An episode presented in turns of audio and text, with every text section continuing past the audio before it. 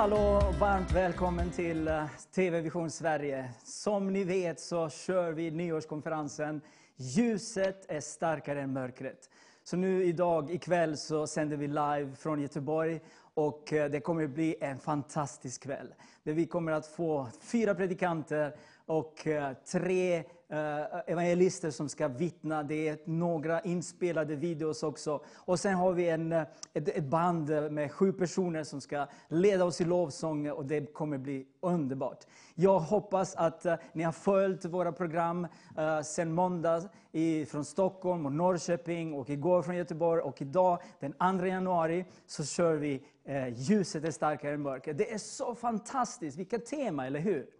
Att vi upphöjer Jesus. Ikväll så är det din kväll. För det är alla, alla människor som kommer in, de kommer att upphöja Jesus. Om du inte känner Jesus innan den här kvällen är slut, så kommer du, om du vill, bara säga tack Jesus att du har frälst mig. Så jag vill bara tacka dig som tittar. Tack för alla eh, telefonsamtal, alla sms, att ni är med och stödjer oss. Det är så att eh, på vår callcenter på 08 677 76 76 så finns det människor som väntar på att du kan ringa till dem. Så om du inte vill skicka sms, om du inte vill eh, eh start, eh, kommentera på, på Facebook, så finns det alltid människor som kommer att ta ditt samtal. Så ring gärna till callcenter. Det är öppet hela kvällen i tre timmar. Och jag kommer, det, det står ju numret där, så ring till dem om du vill prata. Nu ska vi prisa Jesus. Därför prisar vi hans namn. Därför tillber vi honom, vår konung och Gud. Så det här är en, en, en fantastisk sång. Det är en, en, eh, det är en riktigt bra sång, så att, uh, om du vill så kan du dansa, börja kvällen och upphöja Jesu namn. Därför vi prisar och tillber vår kung. Så varsågod bandet och led oss i, i lovsång och inleda den här kvällen med lovprisning och tillbedjan.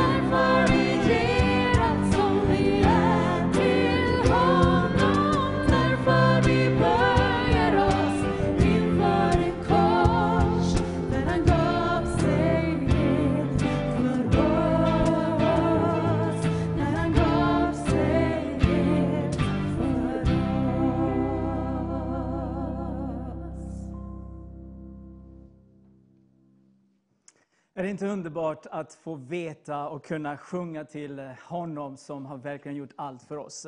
Gud har makt att styrka er genom evangelium och förkunnelsen om Jesus Kristus. Han har avslöjat den hemlighet som är i oändliga tider varit dolt, men nu har den uppenbarats och gjorts känd genom profetiska skrifter på den evige Gudens befallning för att föra alla folk till trons lydnad. Han är den enda vise guden och hans är äran genom Jesus Kristus i evighet. Amen. Det är så underbart att ljuset är alltid starkare än mörkret. Och eh, Jesus säger också, jag är världens ljus. Så vi kommer att upphöja honom. Som sagt, eh, ikväll så kommer du att kunna lyssna till predikan av Mikael Alvén, en känd evangelist. Sen efter honom så kommer vi ha en inspelad video med Daniel Bäckrud, en evangelist från Göteborg. Sen efter honom så kommer det eh, några vittnesbörd. Och eh, Tobias Almhill eh, från Jönköping kommer att predika. Och sen Markus Ringbäck från Huskvarna kommer också att predika. Så det blir mycket, mycket, mycket eh, eh, upphöja Jesus, mycket, många sånger. Och så upphöjer vi tillsammans. Jag hoppas att du är hemma att du dricker ditt kaffe, äter kanske smörgås, äter någonting och eh, är med oss och lyssnar. Och vi på Vision Sverige, vi vill bara tacka dig för allting som har hänt förra året. Men nu är 2021, nu är vi 2 januari och vi vill bara blicka framåt. Men låt oss bara titta på en promovideo från, eh, från, från förra året, där vi berättar lite grann om det vi står för på Vision Sverige. Vision Sverige startade på grund av ett kall. Gud kallade oss att bygga en plattform för att sprida evangeliet i Sverige. Det här är de fyra pelarna som vi bygger kanalen på. Vi vill att människor ska bli frälsta. Vi har tro på en helande Gud. Att hjälpa de fattiga i Östeuropa. Och vi stödjer Guds folk i Israel. Vision Sverige har tro på att ha direktsändningar varje kväll för att förmedla evangeliet genom många vittnesbörd. Och varje år delar över 500 personer sina vittnesbörd under våra direktsändningar.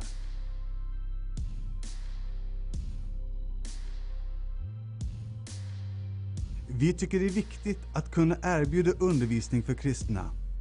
Därför är vi fast beslutna på att producera undervisningsprogram med många olika pastorer och evangelister. Och Det är också därför vi har producerat över tusen program med flera av Guds män och kvinnor som undervisar i Bibelns budskap. Vi har alltid haft ett hjärta för att nå invandrare i Sverige som inte har svenska som modersmål. Därför har vi måndagar och tisdagar live arabiska från Stockholm med pastor Mersek Boutros. Onsdagar, torsdagar och fredagar sänder vi live på persiska och afghani. Varje lördag sänder vi det första kristna programmet i världen på kroatiska, serbiska och bosniska med Soran Kovacevic som programledare. Och från hösten 2020 börjar vi med en timmes spanska varje lördag. Varje söndag är en supersöndag. Och vi önskar att ge många olika församlingar möjlighet att sända sin gudstjänst och nå ut till fler människor genom Vision Sverige.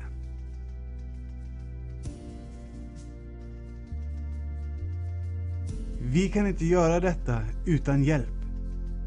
Vi inbjuder dig att vara en del av vad Gud gör genom Vision Sverige. Stå tillsammans med oss och bli en partner idag.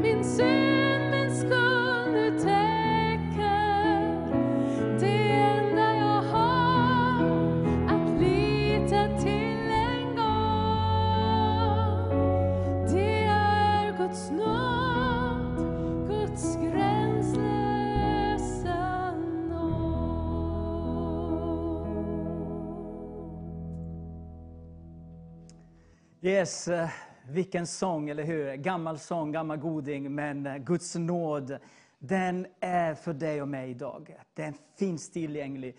Och eh, Jesu blod, den har makt att förändra ditt liv. Så i, i, snart så kommer Mikael Alvén att berätta och, och predika för dig. Men innan vi tittar till, eh, till en, en lite kort video så vill jag bara passa på att säga, om du känner och du vill hjälpa oss, så är det verkligen eh, underbart om du vill ge oss en slant. Så vi skickar den här bössan över hela, hela Sverige. Eh, så Swish finns, Vips, sms, plusgiro. På alla sätt så vill ni, så kan ni hjälpa oss att driva den här konferensen. Så som ni vet, vi, har, vi sänder live från Stockholm, Norrköping och Göteborg. Och eh, jag bara säger tack så hjärtligt att varje krona som kommer in, det, det vill vi verkligen förvalta på ett speciellt och bra sätt, så att Herren får alltid ta äran. Så nu ska vi titta till en eh, kort video om en person som har eh, vittnat och blivit frälst. Och vad är frälsningen? Det kommer ni att få höra genom hela kvällen. Frälst, det betyder någonting helt fantastiskt. Så låt oss titta kort på den här videon. Redan i tidig ålder så hade jag väldigt mycket problem med sömnproblem, mardrömmar i mitt liv. Och eh, en natt efter en mardröm så vaknade jag upp gråtandes och eh, framför min säng så ser jag en man. Hela han strålar och han kollar på mig och säger Jonathan, du behöver inte vara rädd. Och efter det så har jag aldrig tvivlat på Gud riktigt. Eftersom jag fick eh, veta från min mamma att hon hade bett just de orden, att Jesus skulle säga till mig att jag inte behöver vara rädd. Men i mina tonår så vände jag mig bort väldigt mycket från Gud, började gå min egen väg, som eh, väldigt många gör. Och eh, jag började bråka väldigt mycket i skolan, hade väldigt mycket problem med datorspel och annat som drog mig bort ifrån Gud. Och eh, jag hade även mycket problem med ångest och sömnproblem i mitt liv som jag också tog mediciner för. Och jag hade även ätstörningar också som eh, bieffekter av mediciner jag tog och kunde inte äta normalt och växa normalt. Och läkarna sa även att jag skulle sluta växa och bara bli 1,50 lång. Och detta ledde till att de även ville ge mig hormoner för att jag skulle börja växa normalt. Vilket min mamma var emot och inte tillät mig att ta. Därefter så började jag följa med min pappa till kyrkan när jag var 16 år. Och där så såg jag hur människor tillbar Gud med ett äkta och genuint hjärta. Och de hade en glädje i sitt liv som inte jag hade sett innan. Och jag bara bröt ihop när, när Guds ande berörde mig. Och eh, jag bara fick sån längtan efter Gud. Så efter det så började jag läsa Bibeln på kvällarna. Och jag bara fick sån frid eh, när jag började läsa Bibeln. Och alla mina sömnproblem försvann. Därefter så märkte jag också hur eh, mina mardrömmar försvann. Jag kunde börja äta normalt. Mina ätstörningar försvann. Jag började växa normalt. Och därefter så när jag kom till evangelierna och såg hur Jesus gav sitt liv för mina synder så bara blev det personligt för mig. Och jag bara bad Jesus förvandla mitt liv, sätta mig fri från mina mediciner och förlåta mig mina synder. Och efter det så bara märkte jag hur jag gick från att vara en hatisk person i skolan till att kunna förlåta de människor som gjort fel mot mig börja älska människor.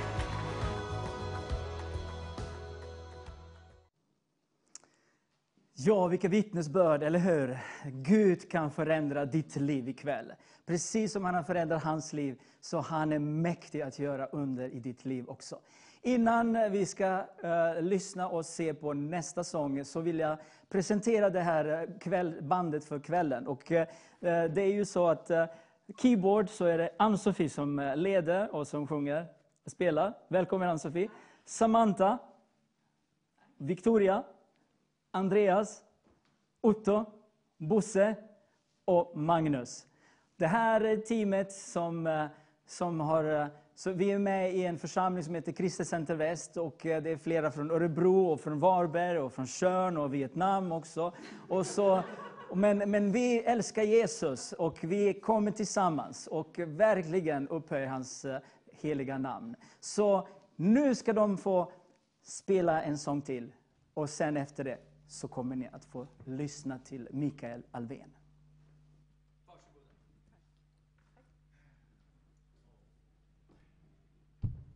Jesus,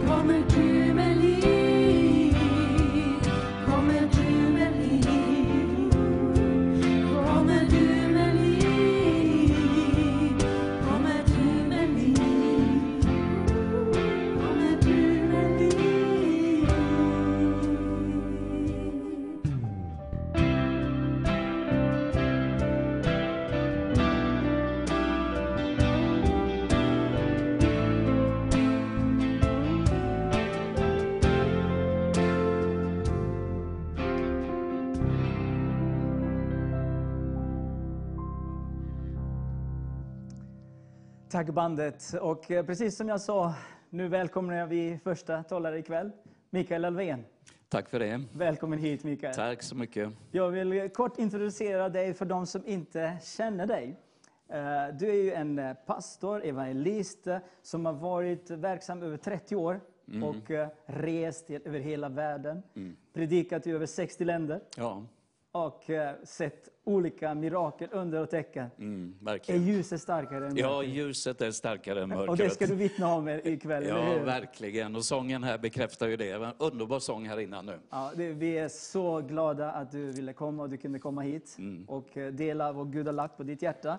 Men du har också startat, du är pastor i Ordet, församling Ordet i Ödeshög. Stämmer det? Och eh, hur många mil hade du hit? Ja, det var, vad kan det varit, en 20 ungefär tror jag. 20 mil? Ja. Wow, Inte så långt, men... ja, det, eh, precis. ja. Och eh, det, du, ni kanske känner eh, Mikael, men han har startat eh, 2010 någonting som heter Love and Hope Nepal. Mm. Och eh, där, eh, det är ett fantastiskt arbete, där ni hjälper eh, tjejer som har varit med i olika sammanhang. Ja. Trafficking, prostituerade. Ja, så är det. Många, många flickor som har blivit hjälpta. Mm. Ja. Så är det verkligen. Och ni hjälper också prostituerades barn också va? Ja, i Indien jobbar vi ju inne i tre olika bordellområden. Och eh, för att kunna komma in och jobba på det viset så får man ta och hjälpa barnen så att inte barnen hamnar i samma onda cirkel som mamman har hamnat i. Så vi tar ut barnen ifrån eh, de här bordellområdena så får de gå på en skola och lära sig engelska och få bra utbildning och så vidare.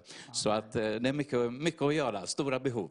Och sen eh, fyra år tillbaka så har ni jobbat också, börjat ett arbete i Indien. Ja, stämmer det. Nu Också något liknande, eller? Ja, eh, i Nepal jobbar vi mest med att eh, rädda så att inte de ska hamna i det då. Det säljs så mycket barn över gränsen till Indien varje Mm. år. Men i Nepal, eller Indien, där jobbar vi mer inne i bordellområdena Jättebra. med all den problematiken. Ja. Gud välsigna er Tack sådan. och, eh, i det här arbetet. Men nu, nu ska du predika för oss, för dig och dela detta gärna till dina vänner, familjemedlemmar, för Gud kommer att beröra dig. Var välsignad. Tack så mycket, tack.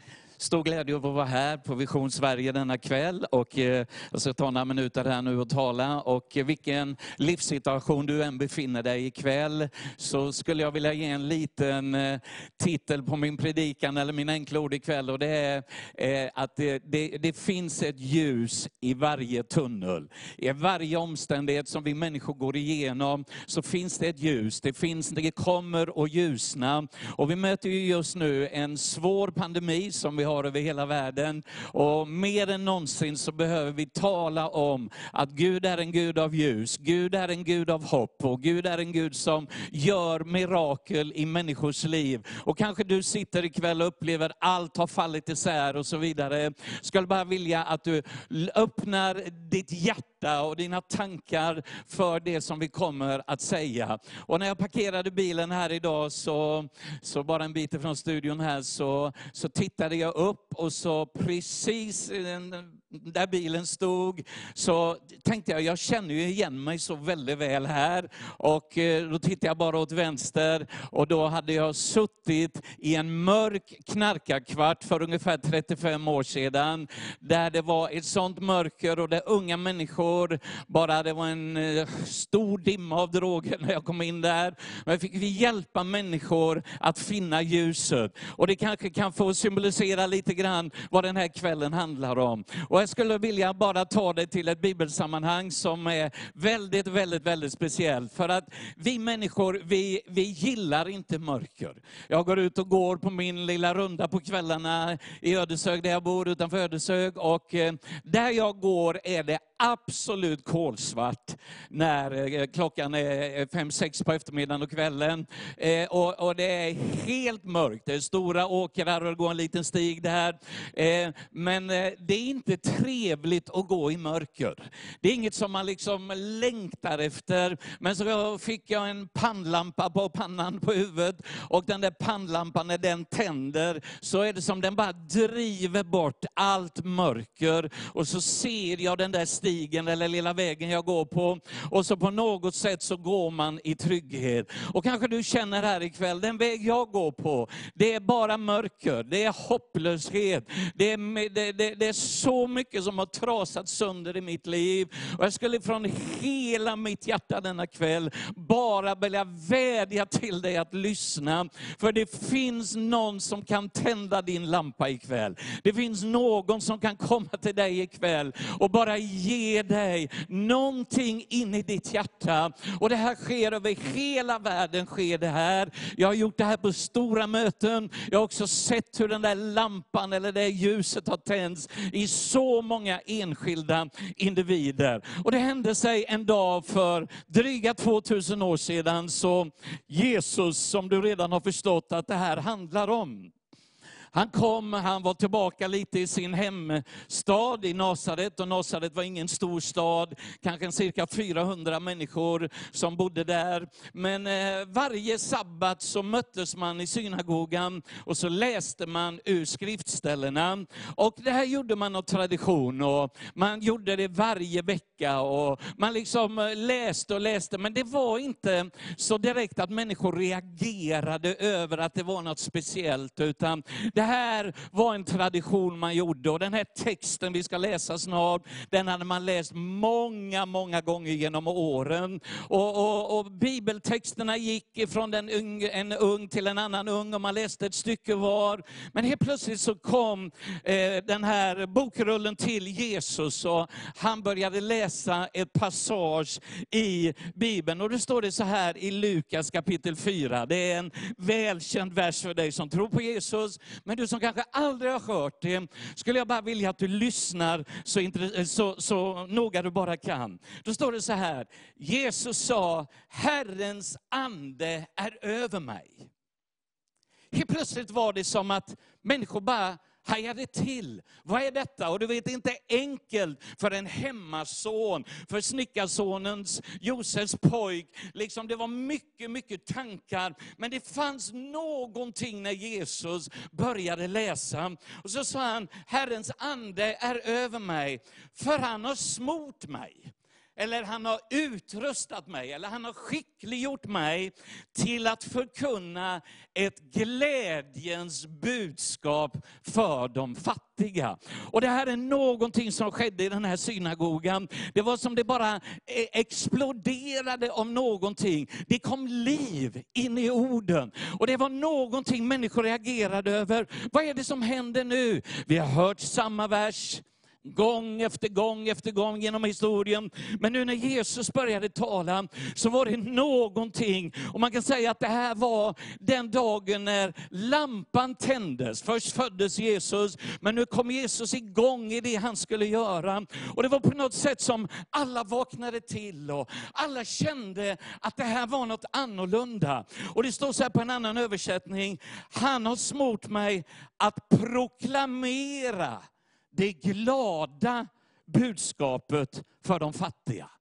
Och du kan säga så här, du kanske inte är fattig på pengar ikväll, men det var en man som sa bara för några veckor sedan, han sa så här, jag har uppnått det mesta i livet, jag har det mesta av tillgångar och pengar och status och så vidare, men jag är så fattig i mitt hjärta. Och han undrade, vad är det det beror på? Jag trodde när jag fick allt det där, så skulle jag vara lycklig. Men det var någonting i honom där han bara kände, det var som en fattig fattigdom i hjärtat. Det är inte, lyckan sitter inte i statusprylar och mera pengar på kontot. Det är något mycket djupare som behöver hända i oss människor. Och här står det då att Jesus kom för att proklamera, för att tala ut det glada budskapet. Och sen finns det en annan som säger att det var ett segerbudskap. Det var någonting han kom med det här. Och det var ett glatt budskap. Kristendomen är inte massa regler och massa förbud och massa liksom, eh, syndakataloger. Kristendomen har ett glädjebud i sig. När Jesus kommer så talade han så att människor som inte trodde på honom kände, han vill vi vara nära. De drogs till honom, för han kom med ett glädjebud. Han kom med ett segerbudskap. Och vad var det här? Han kom, du behöver inte leva i, vi kan ta i för Sverige här nu, den andliga fattigdomen. Behöver inte leva där hjärtat är tomt, där det är fattigt i livet. Utan Jesus kom för att tala ut och proklamera ut ett glädjebud ifrån himmelen. Och går du till en kyrka så ska du gå till en kyrka där det finns glädje över vem Jesus är. Där det finns en segerbudskap över vem Jesus är. Vi sitter inte och tittar varandra i nacken på söndag klockan 11. Nej, livet med Jesus, det är ett glädjebud. Det är ett glädjebud. Och så säger han så här vidare. Han har sänt mig på ett uppdrag för att ropa ut frihet till de fångna. Jag bara älskar de här bibel, det här bibelstället där Jesus säger, han har sänt mig på ett uppdrag. Jag är här på denna jorden med ett uppdrag. Jag vet varför jag är här. Och Bibeln säger att Jesus är densamme idag. Så idag vill han ropa ut frihet för dig som är fången. Du kan bara känna, kan vara fången i oförlåtelse, kan vara fången i besvikelse, kan vara fången över saker som har gått illa i livet, kan vara fången av en relation som har gått eh, snett och så vidare. Och du bara känner, jag skulle så gärna vilja bli fri på insidan. Jag blev det för många år sedan här i Göteborg, när jag fick uppleva den här versen bli verklighet. Jag var den mest rädda av dem alla. Jag vågade aldrig öppna munnen. Jag var den tystaste i klassen när det kommer till redovisningar och alltihopa. Men en dag så fick jag uppleva det här, att Jesus gav mig frihet. Han gav frihet. Han kom med att hjärtat kändes lätt igen. Att man kunde där titta människor med, in i ögonen. Behöver inte ha den här fruktan och den här rädslan. Och evangeliet denna kvällen är, det är att Jesus säger, jag kom för att ge de fångna frihet. Jag kom för att ropa ut det här. Jag kom för att proklamera det här. Glädje till de fattiga och frihet till de som är fångna. Idag har vi fångats av så mycket rädsla under det sista året som har gått. Människor plågas av denna fruktan över den här pandemin. Och man undrar hur ska framtiden bli och så vidare. Det finns en som vill ropa ropa ut in i ditt liv här ikväll. Jag kom för dig. Jag älskar dig. Jag har en plan för dig. Du är dyrbar i mina ögon, säger Gud. Du är högt aktad i mina ögon. Du är älskad sådan du är. Jag har frihet som jag vill ge till dig. Jag har ett nytt liv jag vill föda in i ditt liv. Jag vill ge dig av mitt goda. Och du säger, en gång i tiden kanske jag har känt Gud. Men det har försvunnit bort i dimmorna liksom.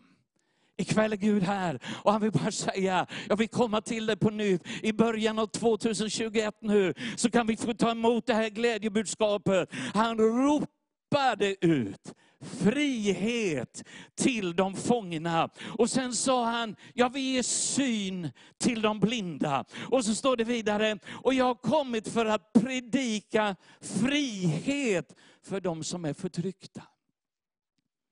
En man kom på ett möte för många år sedan. Jag glömmer honom aldrig i hela mitt liv. Det var ett utemöte på ett torg. Jag brukar vara ute på torg och, och vara ute bland människor där de rör sig. Och det kanske var en 1500 människor som stod samlade där. Vi var långt nere i Balkan och på den tiden var det krig och vi var ett par mil ifrån fronten. Och där stod vi och talade, det var alla möjliga människor. Det var mycket nöd, det var många människor som led på grund av kriget och så vidare. Men jag glömmer aldrig den där kvällen när det kom en FN-soldat. Och han ställde sig där, ibland alla i publiken. Och jag såg när han kom, för han var väldigt, väldigt hatisk i sina ögon. Och han bara stod där och geväret var liksom var på axeln där. Och så stod han och lyssnade. Och precis när jag avslutade så trängde han sig fram. Och så kom han och så slog han till mig lite. Och så sa han, vad håller du på med? Jag stannade till och jag sa, vi är här för att tala om Guds kärlek. Vi är här för att ge de goda nyheterna. Vi vet att det är svårt och så vidare. Så tittade han på mig och sa han, jag hatar Gud. Jag hatar Gud. Och, och jag kände jag skulle lyssna lite extra noga.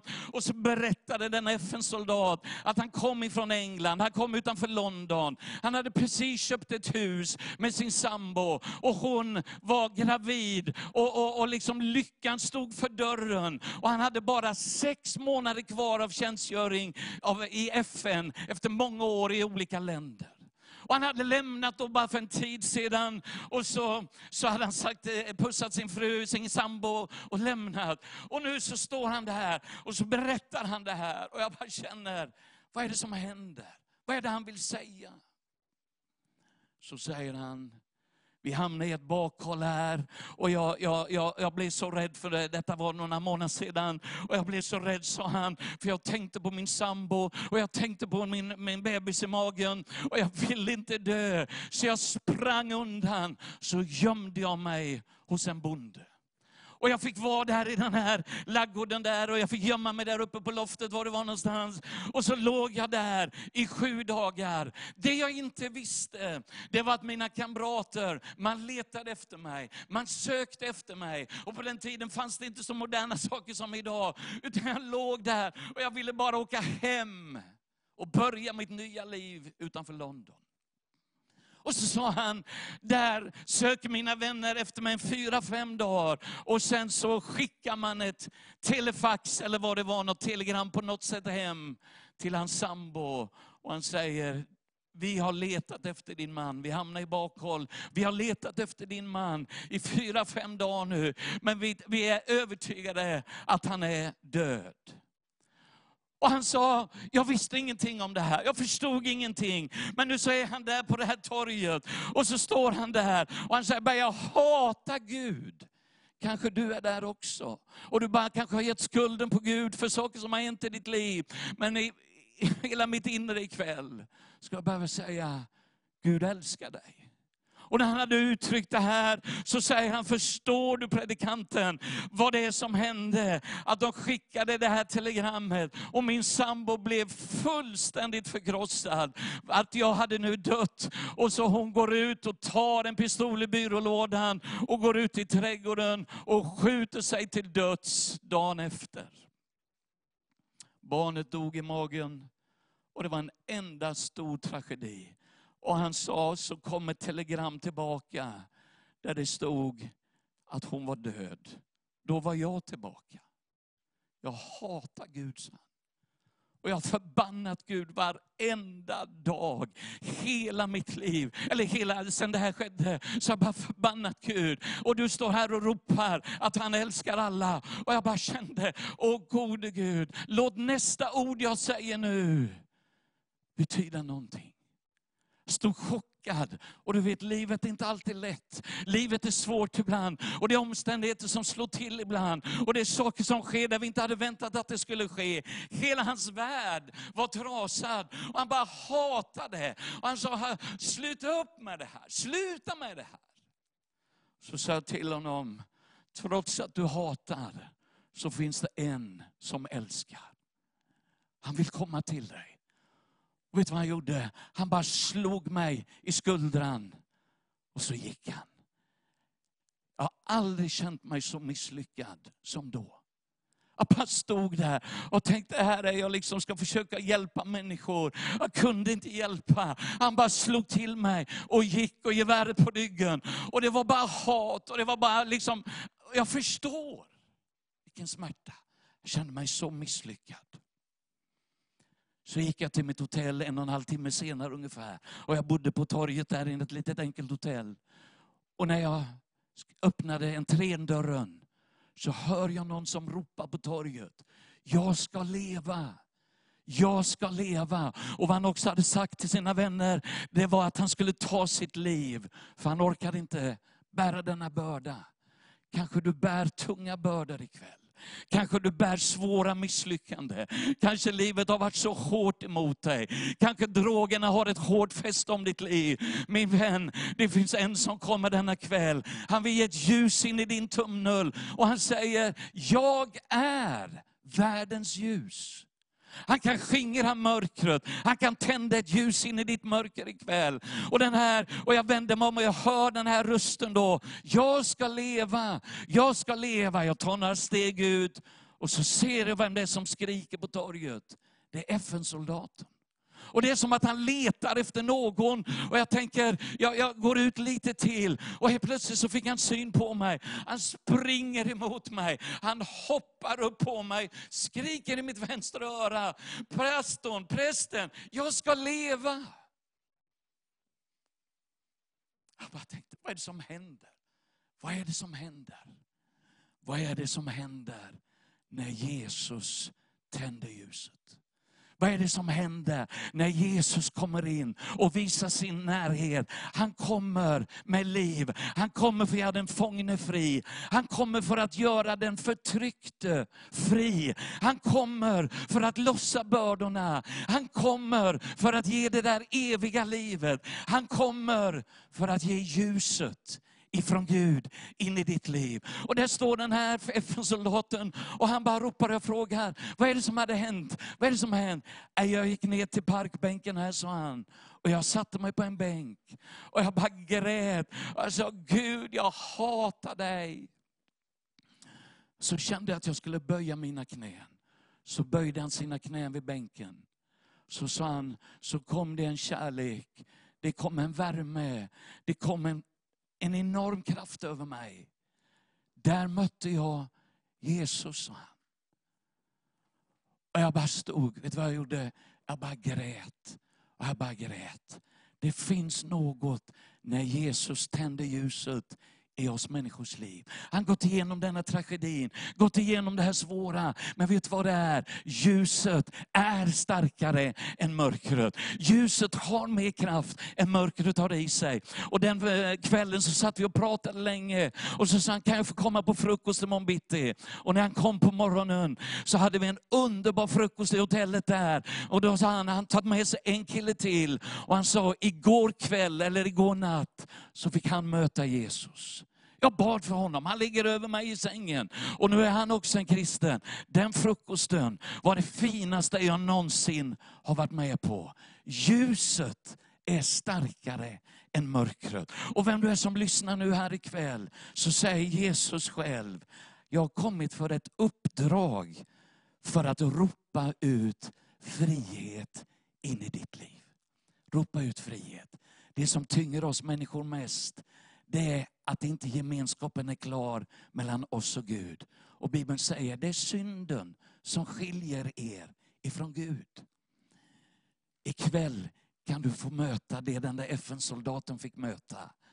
Ett förvandlat liv där ljuset tänds.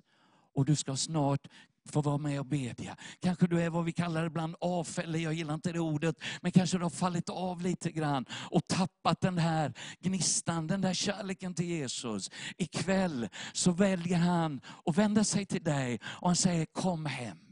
Kom hem. Det är tryggast att vara hemma vet du. När vi är på vilset spår, det är ingen trygghet där. Kom hem. Jag älskar dig. Kom hem mitt barn. Och du säger, saker har gått fel i mitt liv. Han säger, kom hem.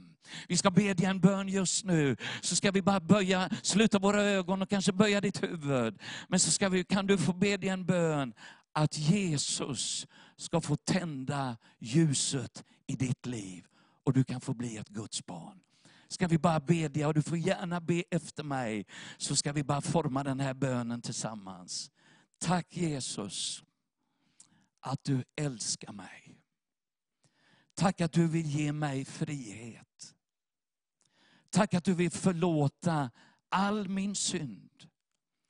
Ikväll vänder jag mig till dig och jag vänder om. Och jag vill vara ett barn till Gud. Jesus, jag älskar dig. Tack att du älskar mig. Jag tar emot dig just nu. Amen. Amen. Kanske du har bett den här bönen ikväll. Jag gick in på en Circle K-match eh, mack nyligen. En man hade varit borta i 41 år utanför, utan Gud. Så hade han mött Gud den där kvällen. Ljuset hade tänts. Han tog över hela macken och han drog med mig i hela cirkusen på macken. Han ropade ut för alla att han hade fått ett ny- nytt liv den kvällen. kan bli din kväll ikväll. Gud älskar dig. Vi här på Vision Sverige, det är det bästa budskap vi kan ge. I sång och i predikan på olika sätt här.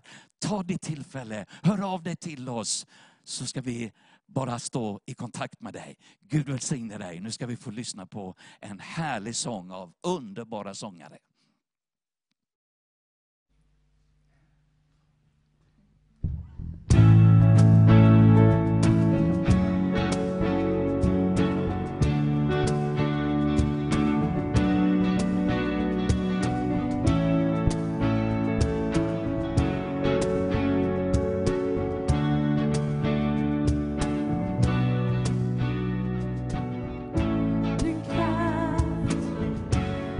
Ny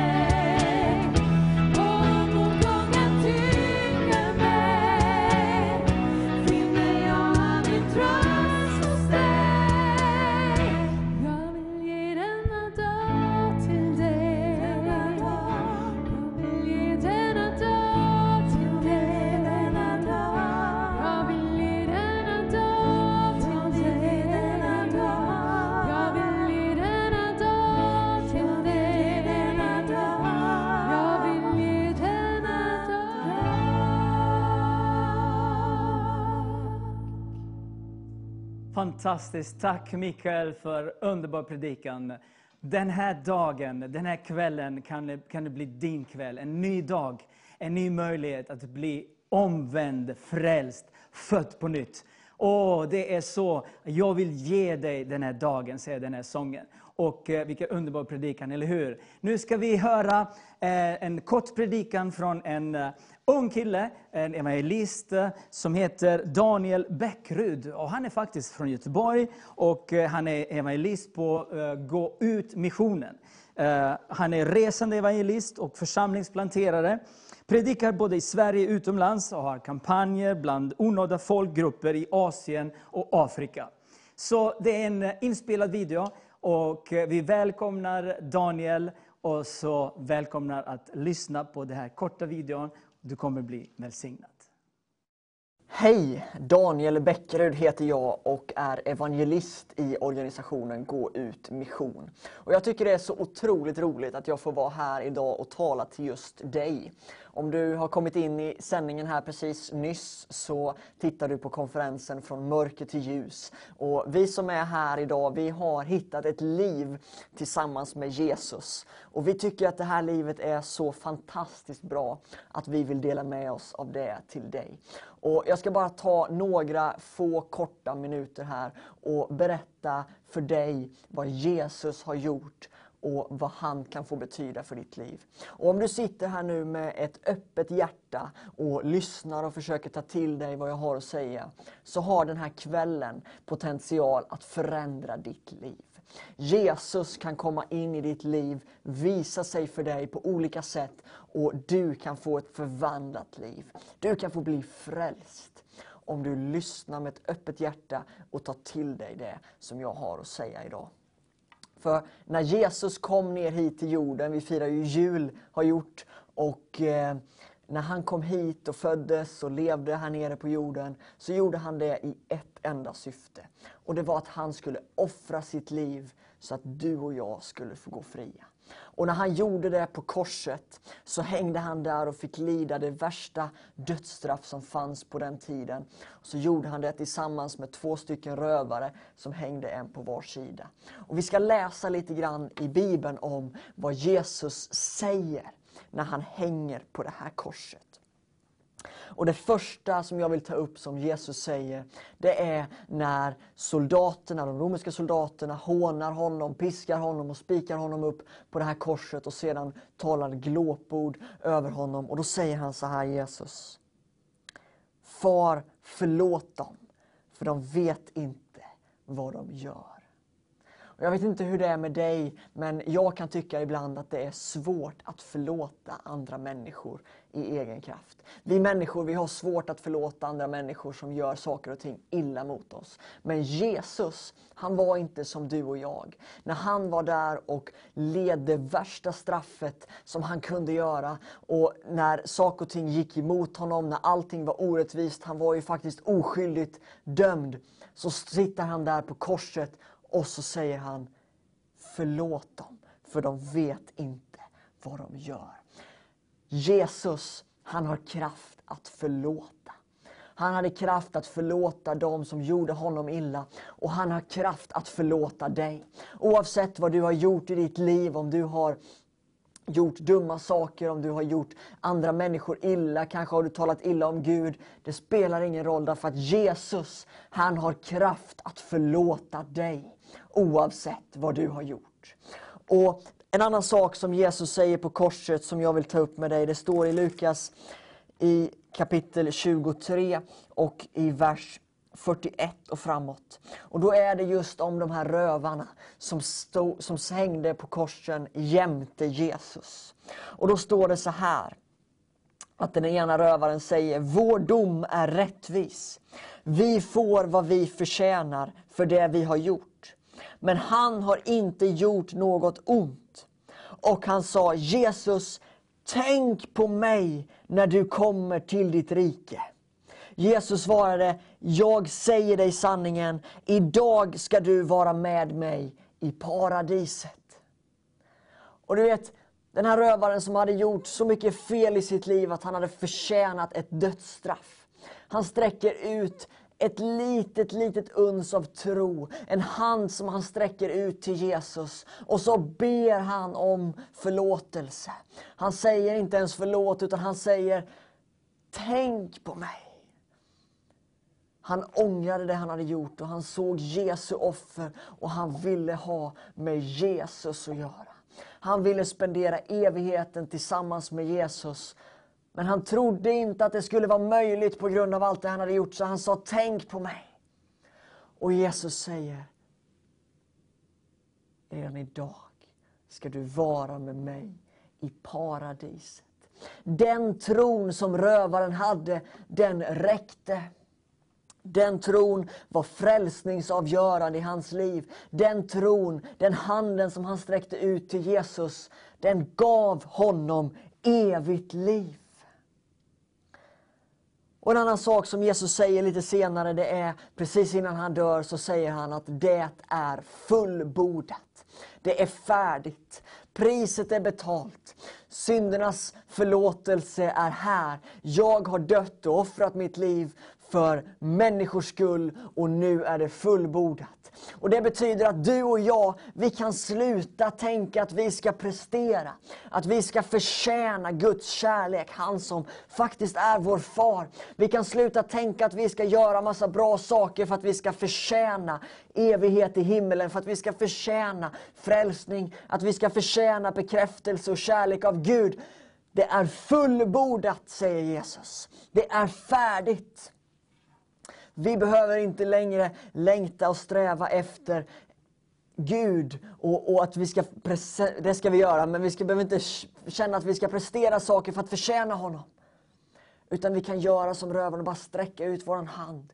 Längta efter Jesus. Och bjuda in honom i vårt liv. Och bli frälsta av nåd. Och vet du, precis som Jesus var närvarande för den här rövaren där, så är han närvarande precis just nu. Och precis i denna stund så kommer Jesus till dig. Han ser dig i ögonen och fortfarande så säger han de här orden. Han säger förlåt dem för de vet inte vad de gör. Han förlåter dig för din synd. Oavsett vad du har gjort mot andra eller mot honom så förlåter han dig precis just nu om du sträcker ut handen mot honom. Och som han sa till rövaren att redan idag så ska du få vara med mig i paradiset. Om du bjuder in Jesus i ditt liv så ska han flytta in och vara med dig redan ikväll. Och Du kan få göra som rövaren, att sträcka ut en hand och säga Jesus, tänk på mig. Förlåt allt jag har gjort. Jag vill vara tillsammans med dig. Så ska Jesus flytta in i ditt liv. Och så säger han, det är fullbordat. Han, ser inte på, han såg inte på den här rövaren som en förövare, utan han såg honom som sitt eget barn. Och på samma sätt så kommer han till dig och så ser han inte dig som en kriminell eller som en rövare, utan han ser på dig som sitt barn. Och han vill ta upp dig i sin famn. Och om du vill så kan du klättra upp i den famnen precis just nu. Genom att säga till Jesus, Jesus jag vill ha dig i mitt liv. Jag vill bli ditt barn.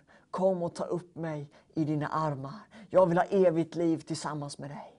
Och just nu, det här är en stund som kan förändra hela ditt liv så vill jag att du ber efter mig i en frälsningsbön. Och Det går till så att jag ber först och så säger du efter mig. Och så säger vi så här. Jesus. Jag är ingen perfekt människa. Jag har gjort många fel. Men tack att du älskar mig ändå. Tack att du har dött och uppstått för mina synder. Tack att jag får vara fri på grund av det offer som du led för min skull. Jag välkomnar dig som Herre i mitt liv. Jag vill vara ditt barn. Tack att du älskar mig. Amen. Och vet du, om du bad den här bönen med ett uppriktigt och ärligt hjärta, då är du nu, som vi brukar säga, adopterad in i Guds familj. Då har du blivit ett Guds barn. Då har du klättrat upp i Jesu famn. Och jag vill uppmuntra dig till att aldrig klättra ner därifrån. Utan lär känna han som är din far. Läs Bibeln om honom, be till honom, träffa andra människor som tror på Jesus så att ni kan dela det livet tillsammans. Och jag vill bara be en välsignelsebön över ditt liv precis här nu innan jag slutar den här predikan. Tack Herre för mina bröder och systrar som nu har gett sitt liv till dig. Jag ber att du kommer med välsignelse över deras liv.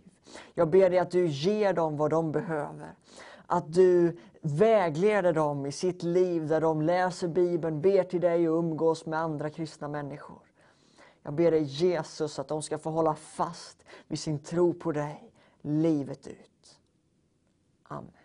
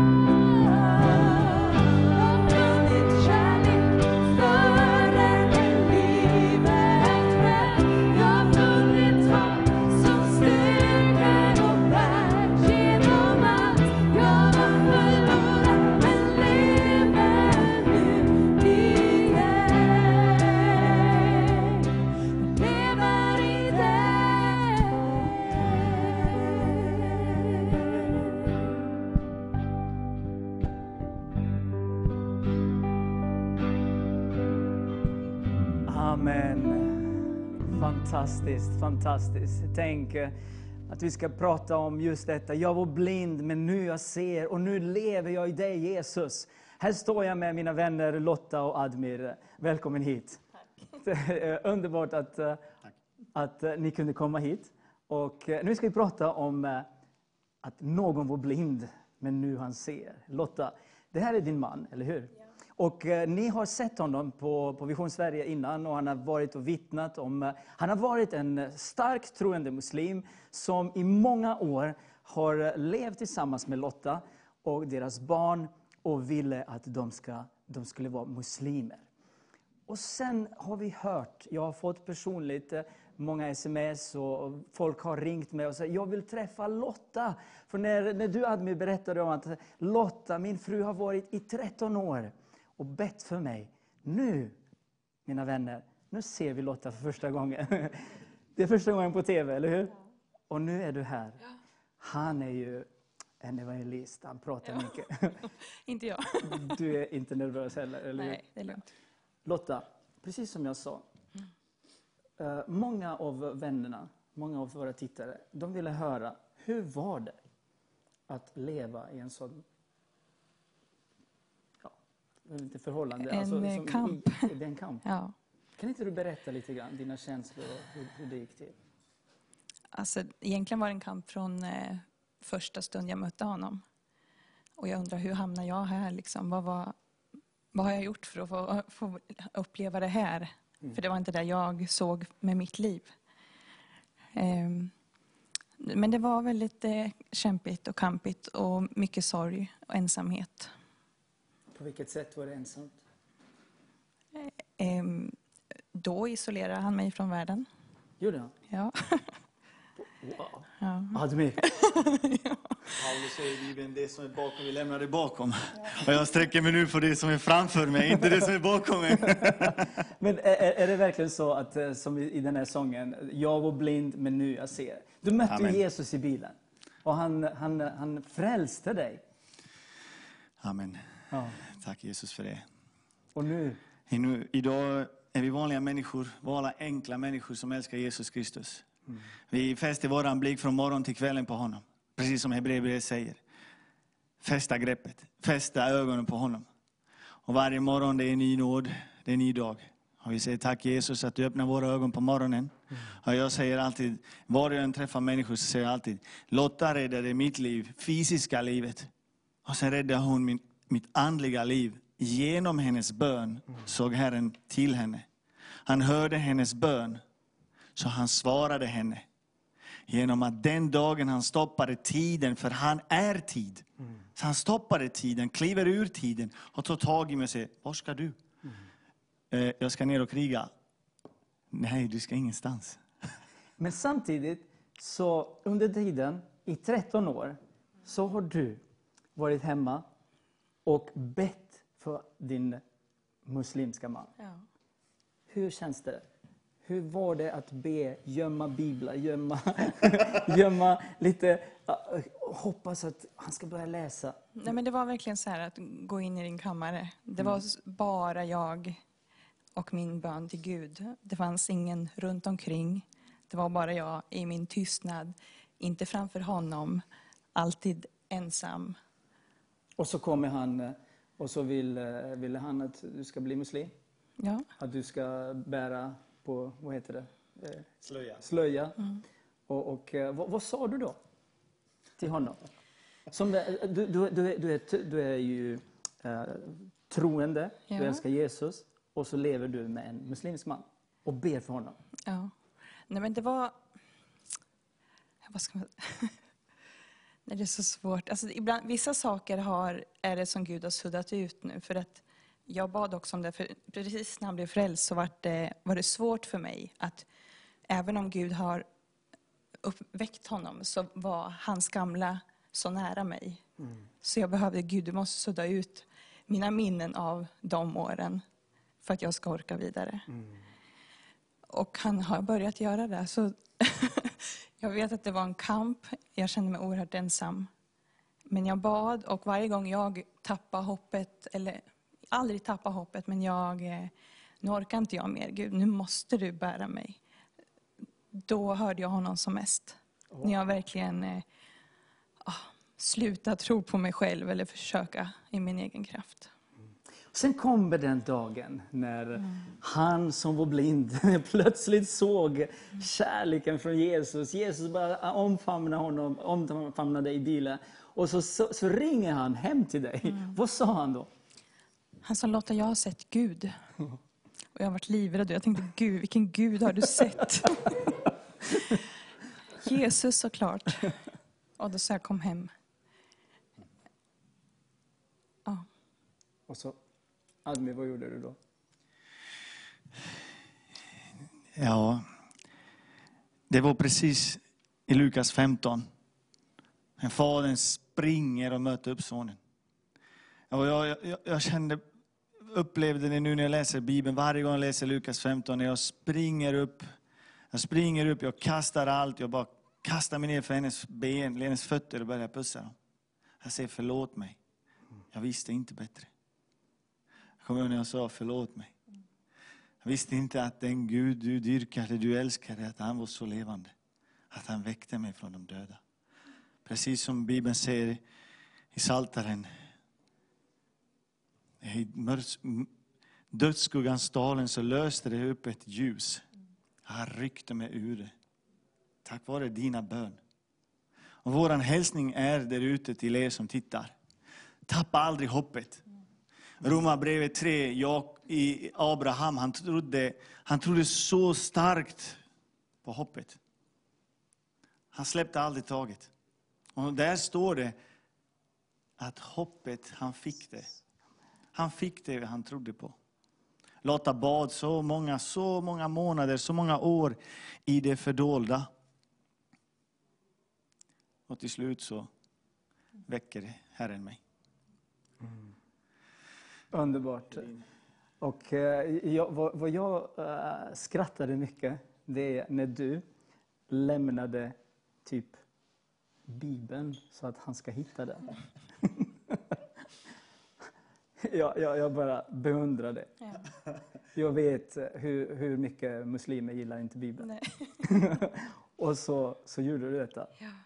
Och han började läsa. Ja. Han sa det också. Han började läsa i smyg. Han vände sig i sängen och bara, vad, vad, vad gör du älsklingen? Nej men ingenting.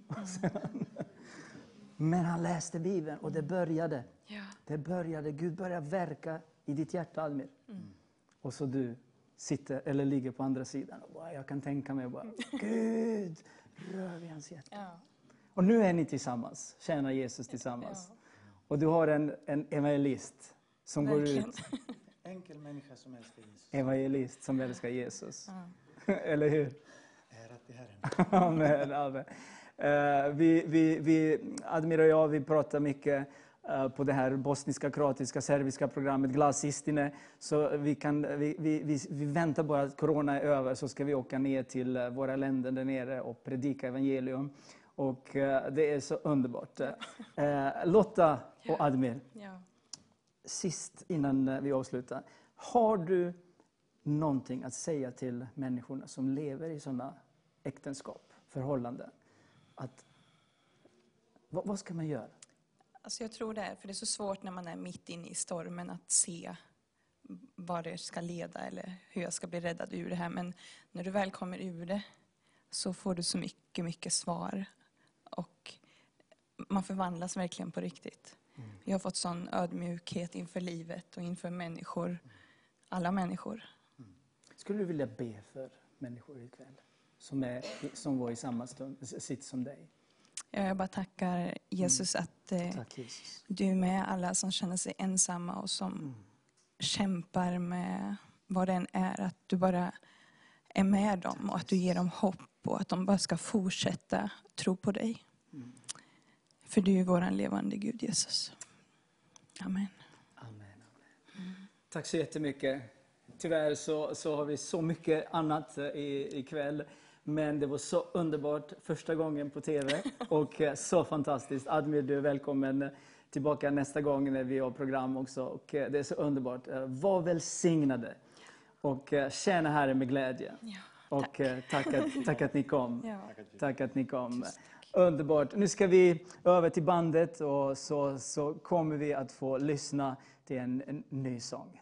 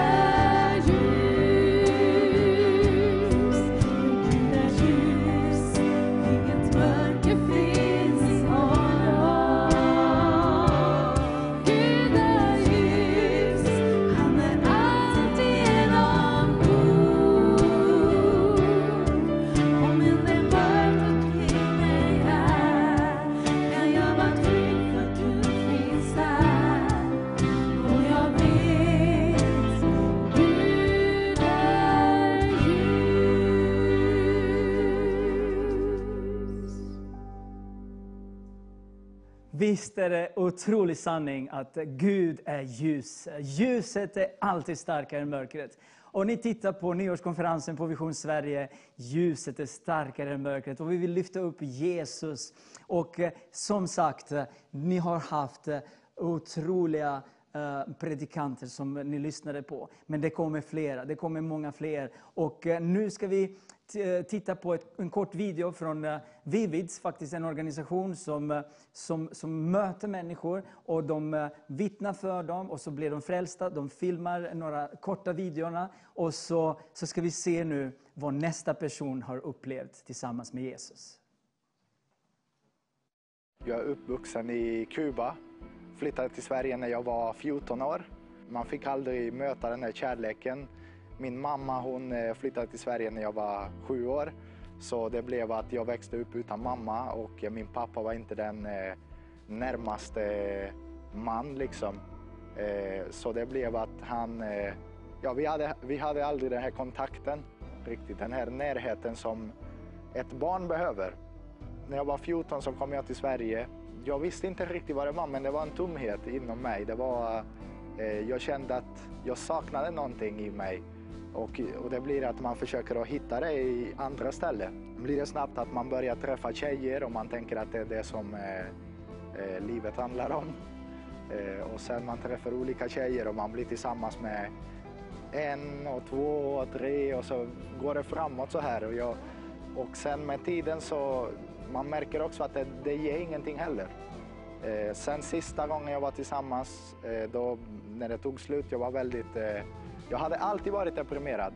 Men sista gången så tog det extra mycket så jag låg ner i sängen och, och grät mycket under ett år. Jag var ute och drack alkohol, jag var ute och festade, eh, slåss mycket, testade även droger. Eh, som en utväg i smärtan som jag hade på insidan. Eh, men ingenting funkade heller. Det, när jag var på dagen så grät jag bara och var deprimerad och orkade inte leva. Och så undrade jag vad, om det här var livet. Liksom. Jag undrade om, om det fanns någonting mer för mig. Jag kände mig väldigt ensam också under den perioden. Och då kom jag till en punkt där jag liksom hade ingenting annat. Jag hade ingenting. Jag trodde inte på Gud heller. Jag gick ner för trappan och grannen öppnade dörren och han säger du festar så mycket här. Du liksom tar alltid med så många människor upp och ner hela tiden. Eh, men sen kollade han på mig. Han visste att det var någonting fel med mig så han gav mig en kristen tidning. Och jag liksom tog emot det. Men jag fattade inte riktigt varför. Men jag respekterade att han på något sätt ville ge mig den.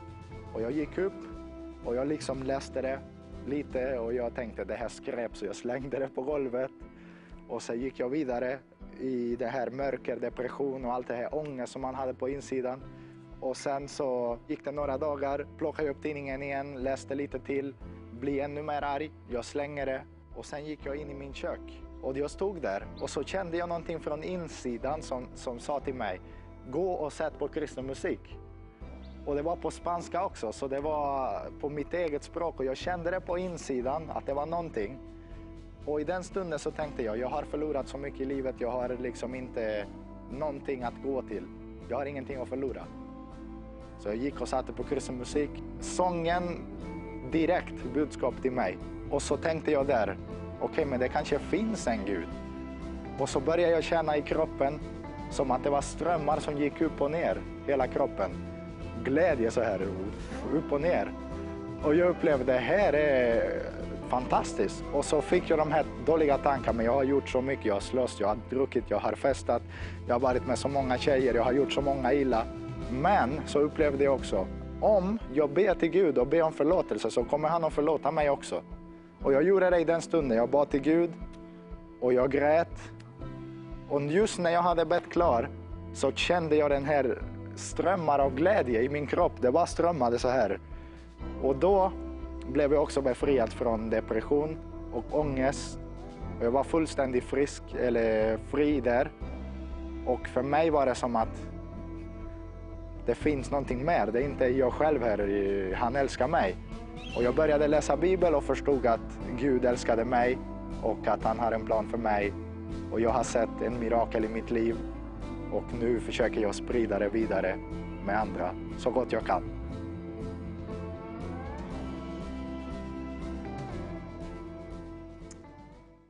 Tack, tack. Tänk att han kände att det finns en dag, en frälsningsdag. Och den dagen han kände Guds närvaro på insidan. Och det var det han berättade, att det är strömmar av glädje. Strömmar igenom honom, hans hela kropp, ande och själ. Och eh, fantastiskt, det här var videon från Vivids eh, organisation, missionsorganisationen. Men nu ska vi lyssna, få lyssna till predikant nummer två idag. Och eh, det är ju min gode vän Tobias Almhild från eh, Nej, inte Jönköping, utan Ölmstad. ah, det är viktigt, eller hur? Det är viktigt. Välkommen hit. Tack så jättemycket. Kul att vara här. Ja, fantastiskt. Det är ju så att du är ledare, till, eh, du är ledare för en eh, organisation som heter To All Mission. Stämmer. Och eh, To All Mission, det betyder att man ska ut och missionera, eller hur? Precis, en precis. evangelist som ska precis. predika Det här glada budskapet. Så är det. Och ni åker till Uganda. Vi åker till olika ställen, bland annat Uganda, ett flyktingläger i. Uganda, där vi har kampanjer och predikar evangeliet om Jesus Kristus. Där ingen annan har varit innan. Det vi, vi siktar på de platserna där ingen annan har varit, eller som mörkt, där behoven är som störst, där folk mår dåligt och verkligen behöver Jesus och ljuset. Så det är vårt fokus. Ja, sen jobbar ni bland romer i Serbien. Stämmer, Mm. eh, i, i- Serbien bland romer, och, och det är fantastiskt arbete där nere också, så att det är jätteroligt. Ja, så att, fantastiskt. Och sen har du också ett arbete i Tanzania. I Tanzania med, ja. Mm. eh, också ett fantastiskt arbete. Så det är, det är jättekul, vi är tacksamma och eh, det är fantastiskt att se vad Jesus gör. Ja. För det är ett levande budskap. En Och nu ska vi Jesus. få höra Nu vad ska- Jesus har gjort i ditt liv. Så är det broder. Och eh, för dig också. Varsågoda Tobias. Tack så jättemycket. Vilken ära och glädje att få stå här och tala Guds underbara ord för dig idag. Eh, om du inte känner Jesus och vet vem han är, så är han för dig idag. Han har någonting för dig, för ditt liv. Och jag vill att du bara ska öppna ditt hjärta. För jag tror att Gud, han, han, du vet, ibland kan vi tänka att Gud han är långt borta. Om vi inte vet liksom vem, vem han är, vi kanske har hört saker om honom. Men det fantastiska är med Gud, det är att han älskar varje människa. Och han är mycket närmre dig än vad du tror. Och budskapet idag, det, det kommer verkligen att, att vara ett fokus på vad Jesus har gjort på korset. För det här budskapet, vad Jesus har gjort på korset, det förvandlar människor på insidan. Det finns mycket mörker runt omkring. Vi, vi, vi kan blicka tillbaka till 2020 och vi kan se mycket mörker, mycket hopplöshet. Och det är ett, ett budskap, det är en verklighet, det är något vi fått leva i. Men det finns en verklighet idag och det är att Jesus Kristus har kommit för 2000 år sedan. Och han dog på korset och han uppstod igen tre dagar senare för din skull. Och här har du någonting du kan hämta. Det är ett fantastiskt budskap. Och, och jag kommer ta med dig idag till eh, Lukas evangeliet kapitel 23. Och jag kommer läsa från vers 39 till 43. Och detta är liksom ett, ett, ett tillfälle när Jesus hänger på korset. Vi har gamla testamentet, vi har Guds ord och mycket av det talar om när Jesus ska göra allting nytt.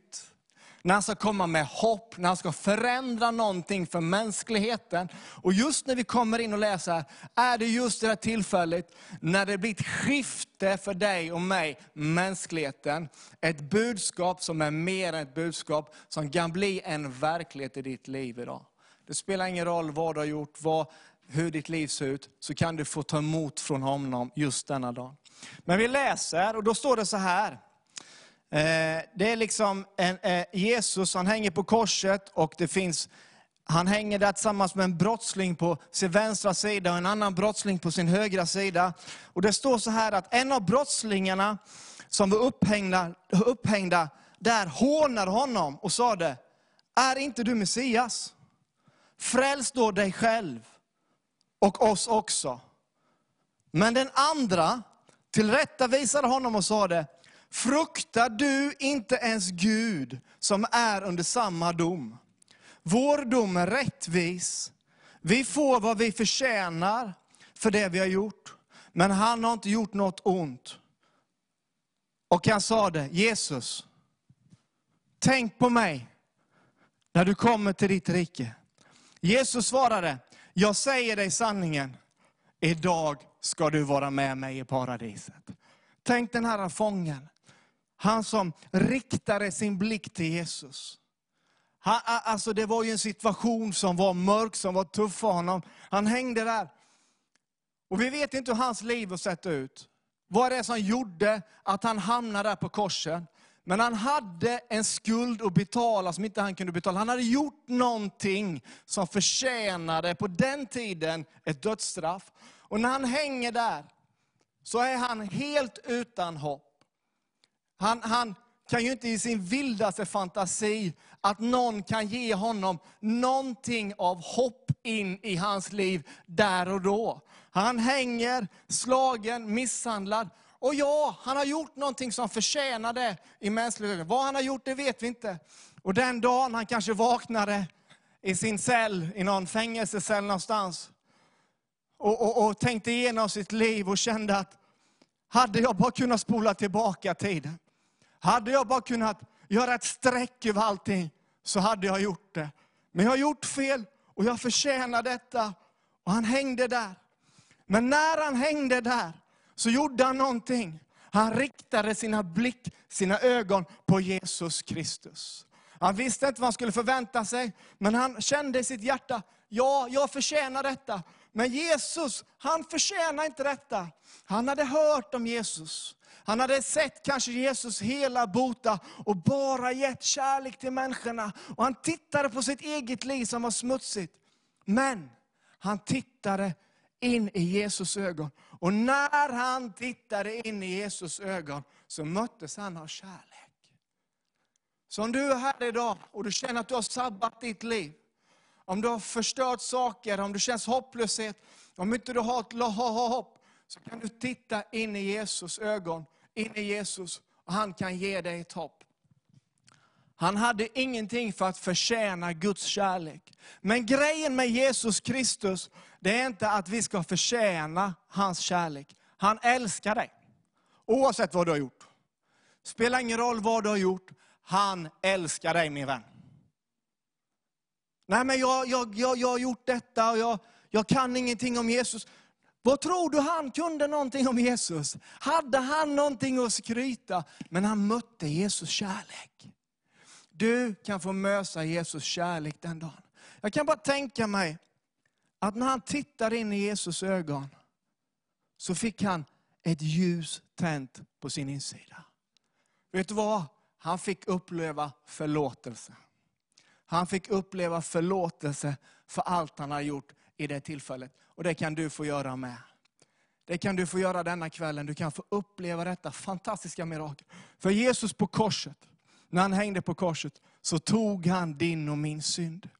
Vi ska läsa ett bibelord till som är, det är så oerhört starkt och bra. Det är från Jesaja 53.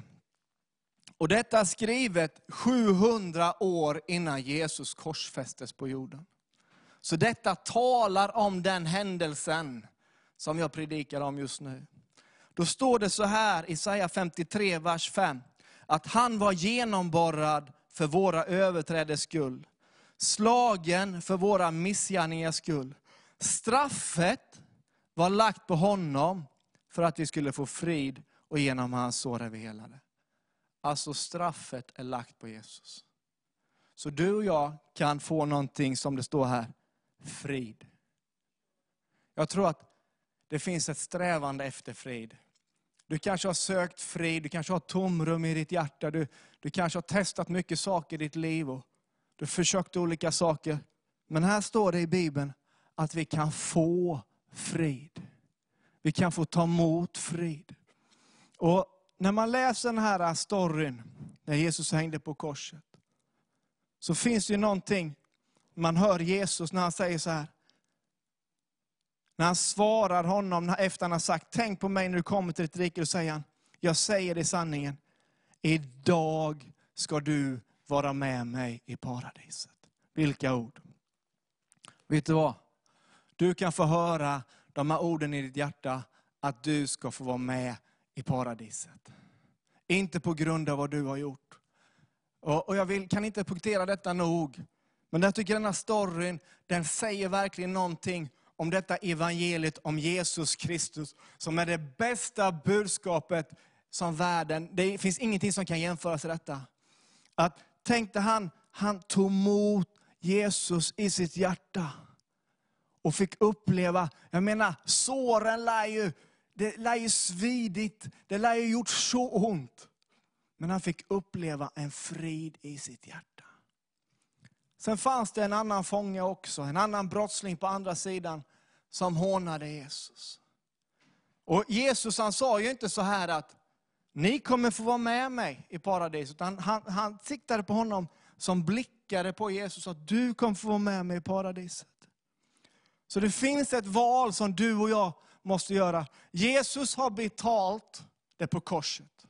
Priset är lagt på honom och han bar, han bar synden, så att säga, på sig själv. Men vi människor Bibeln säger att var och en som åkallar Herrens namn skall bli frälst. Brottslingen, vad gjorde han som var så bra då? Han hade inte så här jättemycket att berömma sig om. Men han bekände med sin mun. Han trodde att Jesus var den han var. Och han satte sitt fokus på Jesus. Det är det enda du behöver göra idag. Du vet, många av oss tänker, jag måste fixa till saker innan jag kommer till Jesus. För vi tänker att han är så, han är sträng, han, han sitter där och han ser allting och han är, du vet, så här. Men du vet, han har ju kommit för att fixa detta. Han är inte rädd för synd. Men han har betalt för den. Han är inte rädd för det som du har gjort. Han, han säger inte, ah vad har du gjort? Men han säger till dig, jag vill inte att du ska göra det där. Kom till mig så ska jag rena dig. Och jag ska ge dig frid i ditt hjärta. Frid, verklig frid i ditt hjärta. Jag har predikat evangelium om Jesus på många olika platser.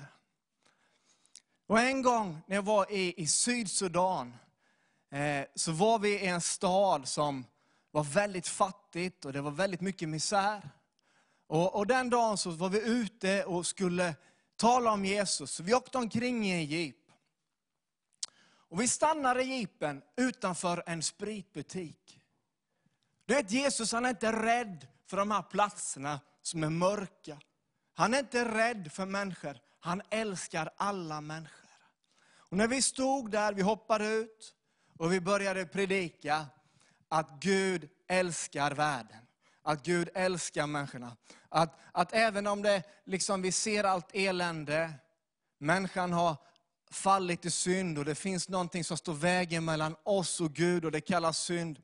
Men ty så älskar Gud världen, att han sände sin enfödde son Jesus Kristus, för var och en som tror på honom inte ska gå förlorad utan evigt liv. Vi står där och predikar. Och så ser jag i, i, i min vrå, så ser jag att det kommer en kille. Han kanske var 20-25 år.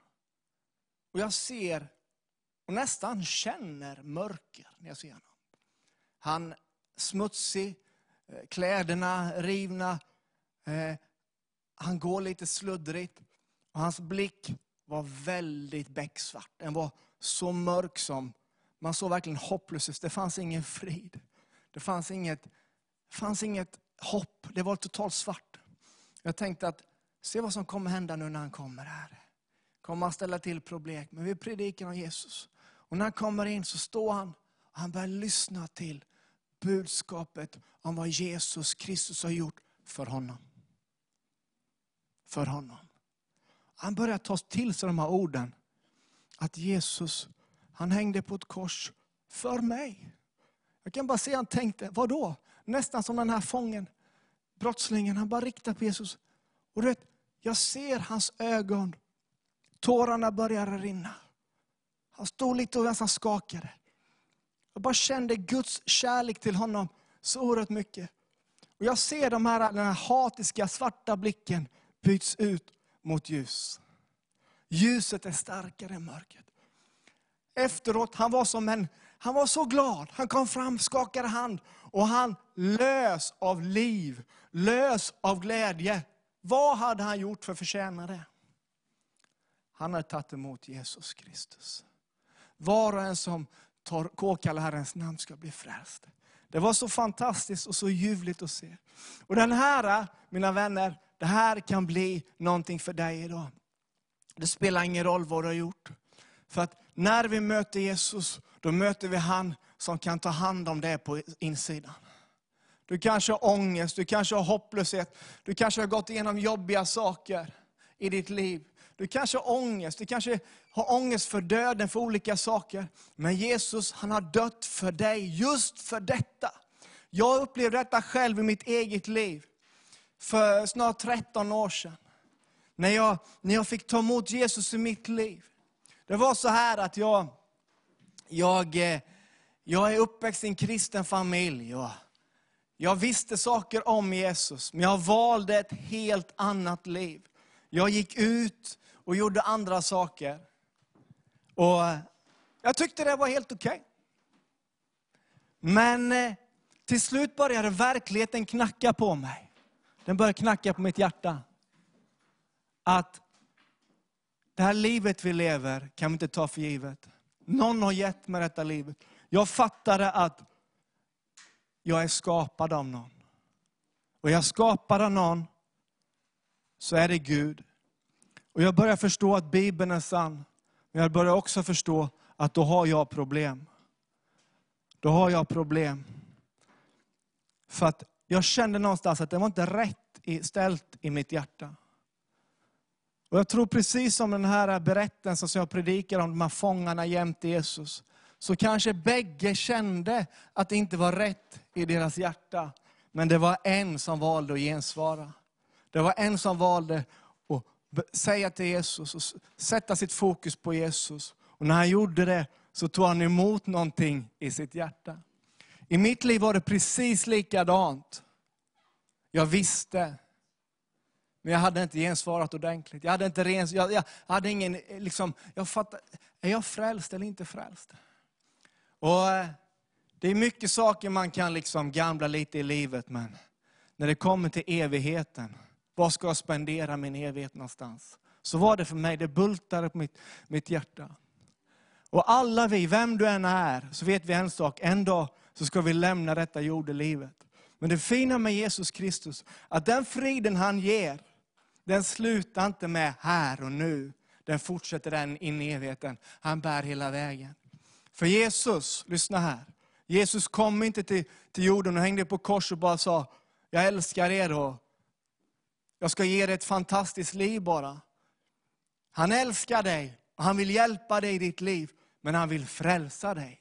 Han kom för att frälsa, söka det som förlorat. Han betalade ett högt pris på korset. Han betalar det högsta priset någon någonsin har betalt. Så han älskar dig så fruktansvärt mycket. Han betalade på korset för all din synd, vad du än har gjort, vad du än kommer göra. Han har betalt. Han har det. det finns ingen annan väg till frälsning utan Jesus. Bibeln är tydlig, det finns inget annat namn givet till människor, vilket vi kan bli frälsta. Men halleluja, om du tar emot Jesus spelar det ingen roll vad du har gjort, det kan bli utsuddat. För hans blod är så dyrbart, det har tvättat rent alltihop. Precis som den här fången. Och så var det för mig för snart 13 år sedan. När jag öppnade mig för min, min, min, min underbara fader och sa, pappa jag vet inte. Är jag på väg till himlen eller var jag på väg? Vad händer med mig? Du vet, det var som att evigheten bankar. Du vet, vi svenskar vi är fantastiska på att springa ett ekorrsdjur. Vi jobbar, vi har karriär, vi tänker på nästa sak. Men vi missar himlen, evigheten.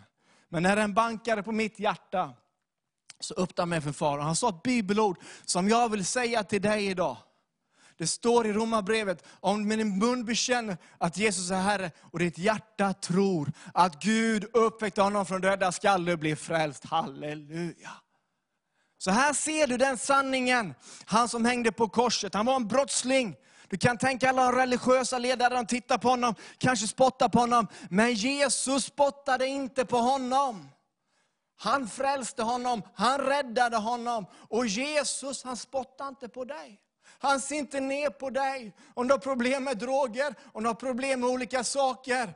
Han vill frälsa dig. Du vet, det står att var och en som åkallar Herrens namn ska bli frälst. Och att vi kan få komma in i hans famn och få bli hans barn. Få verklig frid. Den här världen, vi kanske kan få tillfällig frid. Du kanske kan få ett nytt jobb. Och det är en bra sak och det kan ge dig glädje, frid ett tag. Men vad händer den dagen när du ska lämna detta jordelivet? Då är inte din jobb där, då är inte ditt företagslogga där. Då är det bara vad du gjorde med Jesus Kristus. Och när jag för snart 13 år sedan hörde min pappas Guds ord när han sa det här, om din mun bekänner och ditt hjärta tror ska bli frälst. Så var jag precis som den där fången jämte Jesus. Det var som att jag, blick, jag blickade, han blickade in i Jesus, jag, jag talade till min pappa. Och han sa de här orden, det är samma Jesus, det är samma Guds ord. Guds ord som har kraft, som frälser. Och när jag tog det, så var det som att jag bara sköt in i mitt hjärta. Och jag kände hur all ångest försvann. Och jag visste att jag är nu ett Guds barn. och tillhör Jesus Kristus. Inte bara nu, utan för all evig tid. Nu min vän, så är det upp till dig. Du ser vad den här äh, brottslingen gjorde. Jag har berättat vad den här äh, berusade mannen gjorde i Sydsudan i Afrika. Vad som hände med hans hjärta. Vad ska du göra? Vad ska du, hur ska du gensvara till det Jesus gjorde på korset? Gud har sänt sin son för att ta bort världens synd. Han har betalt, men det är en gåva och den måste du ta emot. Så jag skulle gärna vilja be med dig idag. Jag skulle vilja leda dig, om du känner i ditt hjärta, jag är inte perfekt. Du kanske du känner att du inte är perfekt, men jag behöver Jesus. Det är där du kopplar med Jesus. Du kopplar inte med Jesus för att du är perfekt. Du kopplar med Jesus för han är perfekt. Han blev perfekt, han levde perfekt. Han offrade perfekta för att du som inte är perfekt kan få vara i hans perfekthet. Så du kan få spendera en evighet tillsammans med honom i himlen. Så om du sitter där nu framför tvn, jag vill bara att du, du sluter dina ögon. Och så vill jag att du gör de här, den här bönen. Det är ditt sätt att säga ja till Jesus. Jag kommer be och du ber efter mig. Men det är dina ord, det är ditt hjärta, det är ditt beslut. Så gör det från ditt hjärta. Jesus, jag har hört vad du har gjort för mig på korset. Jag tar emot dig just nu. Jesus, förlåt mig mina synder. Jag tror att du dog för mig. Jag tror att du uppstod för mig. Jag bekänner dig som Herre i mitt liv. Jesus, fräls mig. Rädda mig. Amen. Nu har vi ett callcenter öppet. Så om du har bett den här bönen, om du har tagit emot Jesus i ditt hjärta, så eh, vill vi vara med här. TV-vision Sverige vill vara med och, och hjälpa dig i din tro. Så jag, jag ber dig, ring och prata med någon. Och, och låt dig ledas. Och tack så jättemycket. Gud välsigna dig. Och nu kommer vi lyssna på en, en härlig lovsång.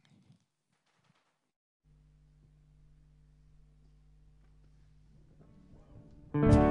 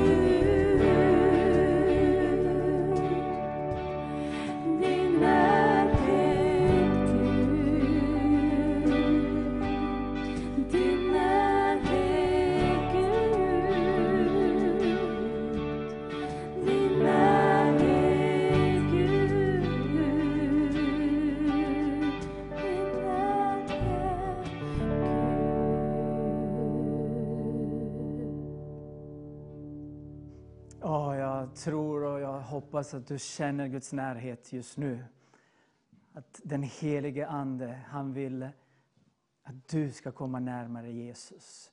Att just ikväll ska bli en kväll där du kan säga ja till Herren. Precis som Tobias har predikat och Mikael och de andra. Och det är så underbart att lyfta upp namnet Jesus, eller hur? Och det är vår Herre och vår frälsare. Det är min personliga frälsare. Och om du har bett den bönen, precis som Tobbe sa, så är Jesus också din personliga frälsare.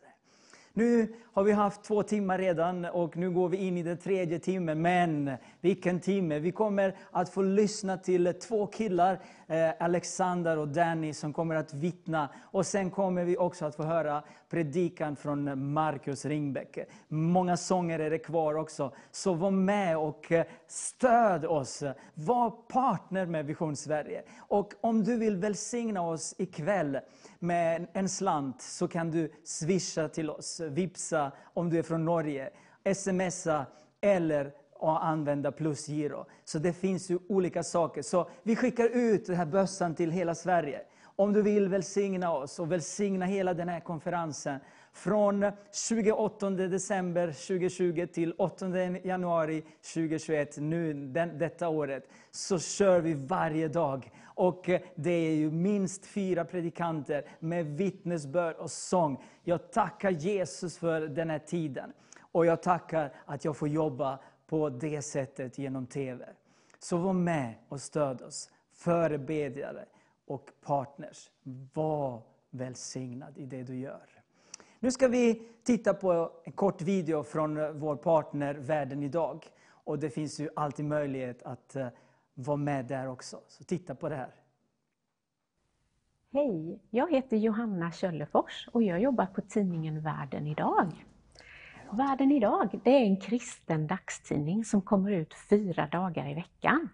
Du kan läsa den i papper, men du kan också läsa den digitalt. Nu kan du prova en månad gratis. Då går du in på prova.valdenidag.se.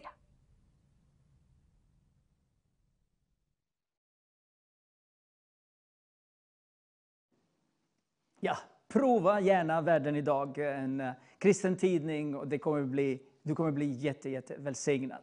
Eh, nu står jag med en kille från Nässjö, Ja, Alexander. Alexander Leimola. Precis. Underbart att ha det här. Du kom ju med gänget från Jönköping Ja, det stämmer. och eh, du är en härlig frälst kille, älskar Jesus. Absolut. Nu ska vi få höra hur du börjar vandra med Jesus. Ja, Vill du berätta för oss? absolut. Det gör jag gärna. välsignad. Ja, Alexander Leimål heter jag. Och jag kommer som sagt ifrån eh, Nässjö. Och jag ska berätta om hur jag kom till tro på Jesus. Jag är inte uppvuxen med att gå till kyrkan, utan jag föddes in i ett hem där båda mina föräldrar var missbrukare. Och eh, under de första åren i mitt liv så var det ganska så stormigt hemma. Så när jag var fem år gammal så fick jag min lillebror Oskar flytta till ett fosterhem. Och för att göra en ganska så lång historia kort, så när jag var 15 år gammal så flyttade jag hem till min farbror och hans fru i Jönköping. Och de är kristna och de berättade för mig om Jesus och vem han är och vad han har gjort för oss. Att han har dött på ett kors för våra synder, att han har uppstått igen och att vi kan få lära känna Gud genom det som han har gjort för oss om vi tror på Jesus. Och jag följde med på en del möten i den församling som de tillhörde. Eh, och de här sakerna som jag hörde, det verkligen vidrörde mig. Men eh, i den här åldern som jag var, jag var i tonåren, så tänkte jag mycket på vad kompisar tyckte och tänkte. Så jag eh, vände mig ifrån det här som min farbror och hans fru stod för och kom in i en fas då jag var ganska så rebellisk. Och eh, jag festade med mina kompisar och jag skaffade en flickvän och gjorde både det ena och det andra. Men när jag var i 20-årsåldern så började jag fundera mycket på livet. Jag började fundera på, är det här allting som livet handlar om? Är det bara att man ska gifta sig och så skaffar man barn och så jobbar man till man är runt 65 och sen väntar man bara in en död? Är det allting som livet handlar om? Jag började få sådana här existentiella eh, frågor som jag funderar över. Och i samma veva så höll min mamma på att eh, dö i eh, flera överdoser. Som jag sa så var ju hon eh, fast i ett tungt missbruk. Och hon höll på att dö i ett par överdoser vid den här tidpunkten. Så jag började be för min mamma, även om jag inte hade helt klart för mig det här med tron, vad jag verkligen tänkte om Gud och så, så började jag be till Gud för min mamma. Och en dag så fick jag ett telefonsamtal. Och det var ifrån polisen. Och de berättade att de ville träffa mig. Och vi träffades. Och så berättade de att min mamma hade dött väldigt drastiskt i en drunkningsolycka. Och jag blev såklart väldigt ledsen och chockad över det här som jag hörde. Men när det här har sjunkit in lite så bestämde jag mig för att ge det här med Gud en chans. Om han är på riktigt, då vill jag ha med honom att göra. Men om han inte var på riktigt, om det här med den kristna tron bara var på låtsas, då, då vill jag inte ha någonting med, med tron att göra. Så fem dagar efter den här händelsen med min mamma så besökte jag en församling, den församling som min farbror eh, är i. Och eh, där så var det en söndagsgudstjänst. Och på den här söndagsgudstjänsten så var det en frälsningsinbjudan i sl slutet av mötet. Och de eh, bad om att de som ville få möta Jesus i sina liv kunde komma fram och be en bön. Och så kunde man få möta Gud och, och få ta emot Jesus i sitt liv. Så jag gick fram och eh, bad en bön tillsammans med några där. Och medan jag bad den här bönen om att få möta Jesus i mitt liv, så var det bara som om en sån frid och sån kärlek kom över mig. Och det var som om ett tomrum på insidan bara fylldes igen. Och jag förstod att Gud är på riktigt. Det här verkligen förvandlade mitt liv. Och eh, jag blev en kristen den dagen. Och sen lite senare så lät jag mig döpas. Och jag gick på bibelskola och Och idag så står jag här och, och talar om för er att, att Jesus är på riktigt. Så Jesus han är på riktigt och han vill möta dig precis som han mötte mig. Och det är så med livet också, att livet är ju inte alltid lätt. Bara för att man är en kristen så betyder inte det att livet alltid är lätt. Utan vi kan få möta svårigheter och problem, även som kristna. Eh, och följande år efter att jag kom till tro på Jesus så tog min lillebror livet av sig. Och det var ytterligare en väldigt så här jobbig sak i mitt liv. Och två år efter den händelsen så dog min pappa i en drogöverdos. Så det var ganska många smällar på varandra de här första åren då jag var en kristen. Men jag upplevde att Gud bar mig genom de här sorgerna. Och han var med mig i de här svårigheterna som jag fick möta. Och det som var skillnaden innan jag mötte Jesus mot efter, det var att jag behövde inte möta de här sakerna själv längre. Utan jag hade någon som gick med mig, som bar mig, som, som stärkte mig och som hjälpte mig och som tröstade mig när jag mötte de här svåra sakerna som jag fick möta. Så Gud är verkligen på riktigt och han älskar oss och han vill möta med oss och han vill vara där för dig precis så som han var med mig.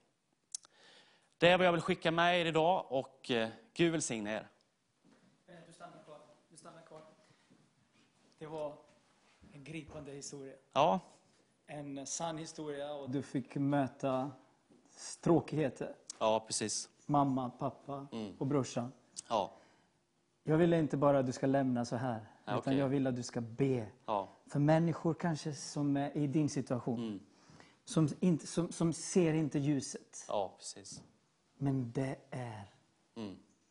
det finns Jesus. Ja, Han är ljuset. amen.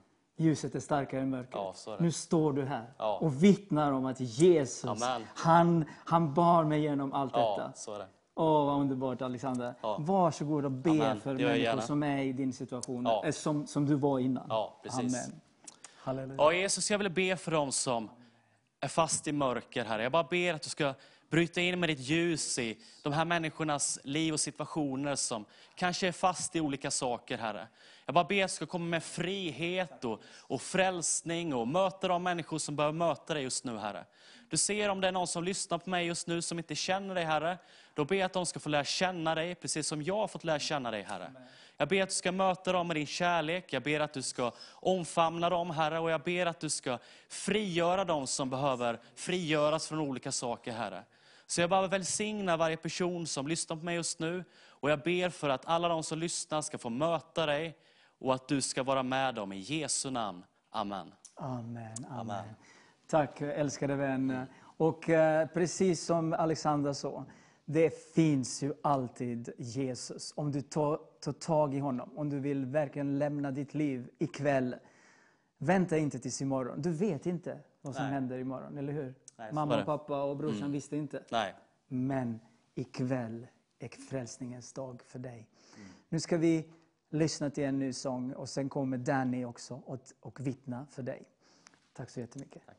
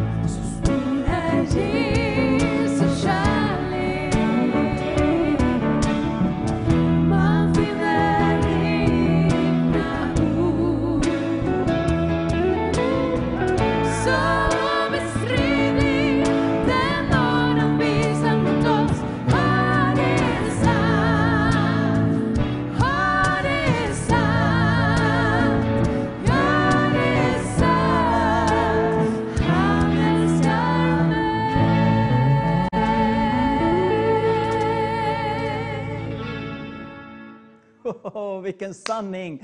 Jesus älskar dig, halleluja! Vilken bra sång, tack bandet, underbart! Jag blir så glad, jag dansar och prisar Jesus tillsammans med dem. Och nu står jag med en annan vän från eh, Jönköping också, trakten. Yes. Ja, det är ju Danny Zommaya.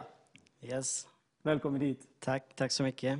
Du kommer från Syrien. Yes. Och, jag har eh, bott eh, i Sverige i sju år. Sju år. Ja, Och älskar Jesus. absolut. Nu ska vi få höra ditt vittnesbörd. Amen. Var Amen. frimodig och så Amen. dela det som Herren har lagt på ditt hjärta. Amen. Varsågod, stå här då. Tack så mycket. Underbart. Amen. Dani Zumay heter jag. Eh, Jag kommer från Syrien. Eh, Jag har bott i Sverige i sju år. Jag bor nu i Jönköping. Eh, Jag har varit troende på Gud i hela mitt liv. Men jag fick lära känna Jesus när jag blev eh, 19 år, 2009. Eh, Innan det var jag en eh, religiös kristen. Eh, I min barndom jag trodde på Gud. Eh, Jag fick lära mig eh, hur man ber. Jag fastade, brukade fasta. Eh, Jag hade respekt för Gud. Men ändå eh, kände jag att det fanns någonting som saknades i den här relationen. Eh, jag, eh, jag hörde ingenting om den helige Ande. Jag trodde på Jesus, men han var inte som Herre eller frälsare för mig.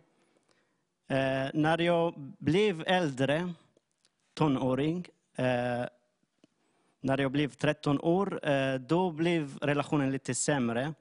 Eh, Jag kände att eh, det var svårt att leva som en religiös. Eh, Jag, eh, jag började svära. Jag började ljuga ibland. Eh, Jag bad inte som förut. Eh, Och jag hade många frågor om den kristna tron. Men jag hade inga kristna böcker runt eh, mig. Och alla som var eh, omkring mig eh, levde ett normalt liv. Eh, jag fick eh, en eh, bibel för första gången. Jag började läsa den, men det var inte för att förstå vad är Guds vilja. Utan det var bara att jag tyckte att det är någonting eh, bra att man läser på Bibeln. Eh, jag tappade den här evangeliet. Eh, jag fick eh, en annan efter ett år eller mer. Eh, då började jag läsa mer djupare. Och eh, jag förstod lite vad eh, Jesus eh, eh predikade och vad var det Jesus budskap. Eh, och jag, jag vägrade att eh, ta emot Jesus och jag började hata Jesus därför att jag trodde att han pratade om Guds rike. Han fokuserade på Guds rike mer än vår värld. Och det var någonting som jag inte tyckte om. Så eh, Sen fick jag eh, kolla på kristna kanaler eh, på tv. Och jag började kolla på olika kristna program. Eh, flera år, typ fem eller fyra år. Eh, eh, en natt, eh, programmen handlade om döden. Eh, och det var en eh, program, programledare som pratade om döden. Och han sa att eh, i kristendom finns ingen eh, död, utan eh, vi ska leva evigt liv. Och våra kroppar, kroppar ska förändras och eh, ska leva evigheten med Gud. Och han pratade om döden och det fanns ett leende på sitt ansikte, vilket rörde mig. Och jag gick till mitt rum för att eh, sova. Och sen jag bad att eh, jag bad till Gud. Jag sa att eh, kanske det är inte lätt att leva som en kristen. Men du kan ge mig kraft för att eh, leva som troende och eh, att följa Jesus. Och på samma stund eh, jag kände någonting både i min eh, kropp och jag kände frid. Och att allting blev okej och eh, Jag sov, sen vaknade på morgonen. Eh, Den helige Ande tog mig direkt till evangeliet.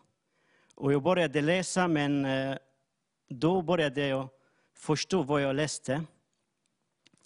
Eh, och jag fick eh, läsa de verserna som handlade om evigheten och att eh, den helige Ande ska bo i oss eh, till evighet. Och eh, jag, jag fick eh, se hur Jesus dog för oss på korset för att betala priset för vår synder. Och jag gick ut i min by och började predika om Jesus. Och Jesus förändrade mitt liv. Eh, eh, sen gick jag till militärtjänsten och eh, kriget bröt ut i Syrien. Och jag bad Gud för att eh, rädda mig eh, från armén därför att jag ville inte bo där därför att det var inte en bra plats för en kristen. Och Gud svarade, besvarade mina barn, barner och eh, eh, hjälpte mig att eh, komma hit till Sverige. Jag kom hit eh, 2013. Eh, och idag, Jesus är allting för mig. Han ger mig frid, han ger mig evigt liv. Han är allt för mig, Han är- han är kompis, herre, frälsare. Ja. Amen. Jag bara myser här och lyssnar på dig. Fantastiskt. Det är så skönt att Jesus är din kompis och din vän. Amen. Och eh, räddade dig. Men eh, jag, jag fastnar också på det där som du sa, att du tittade på kristna kanaler i Syrien. Yes. Och det är så underbart. Och det är det vi gör också. Den här plattformen, den här kanalen Vision Sverige. Det är där vi predikar evangelium. Och där vi, ni kan få lyssna till de här underbara vittnesbörd, predikningar om vad Jesus gör i människors liv. Danny, Amen. tack så jättemycket Tack för att du kom hit och delade detta som Herren har gjort för dig. Tjäna Herren med glädje Amen. och eh, var välsignad. Tack. Amen, amen. Gud välsigne dig. Nu ska vi eh, gå över till bandet igen och så ska vi lyssna till en härlig lovsång. Och sen efter den här eh, lovsången så är det Markus Ringbäck som kommer och eh, ger dig den här sista predikan för, för predikan för ikväll. Så gå ingenstans.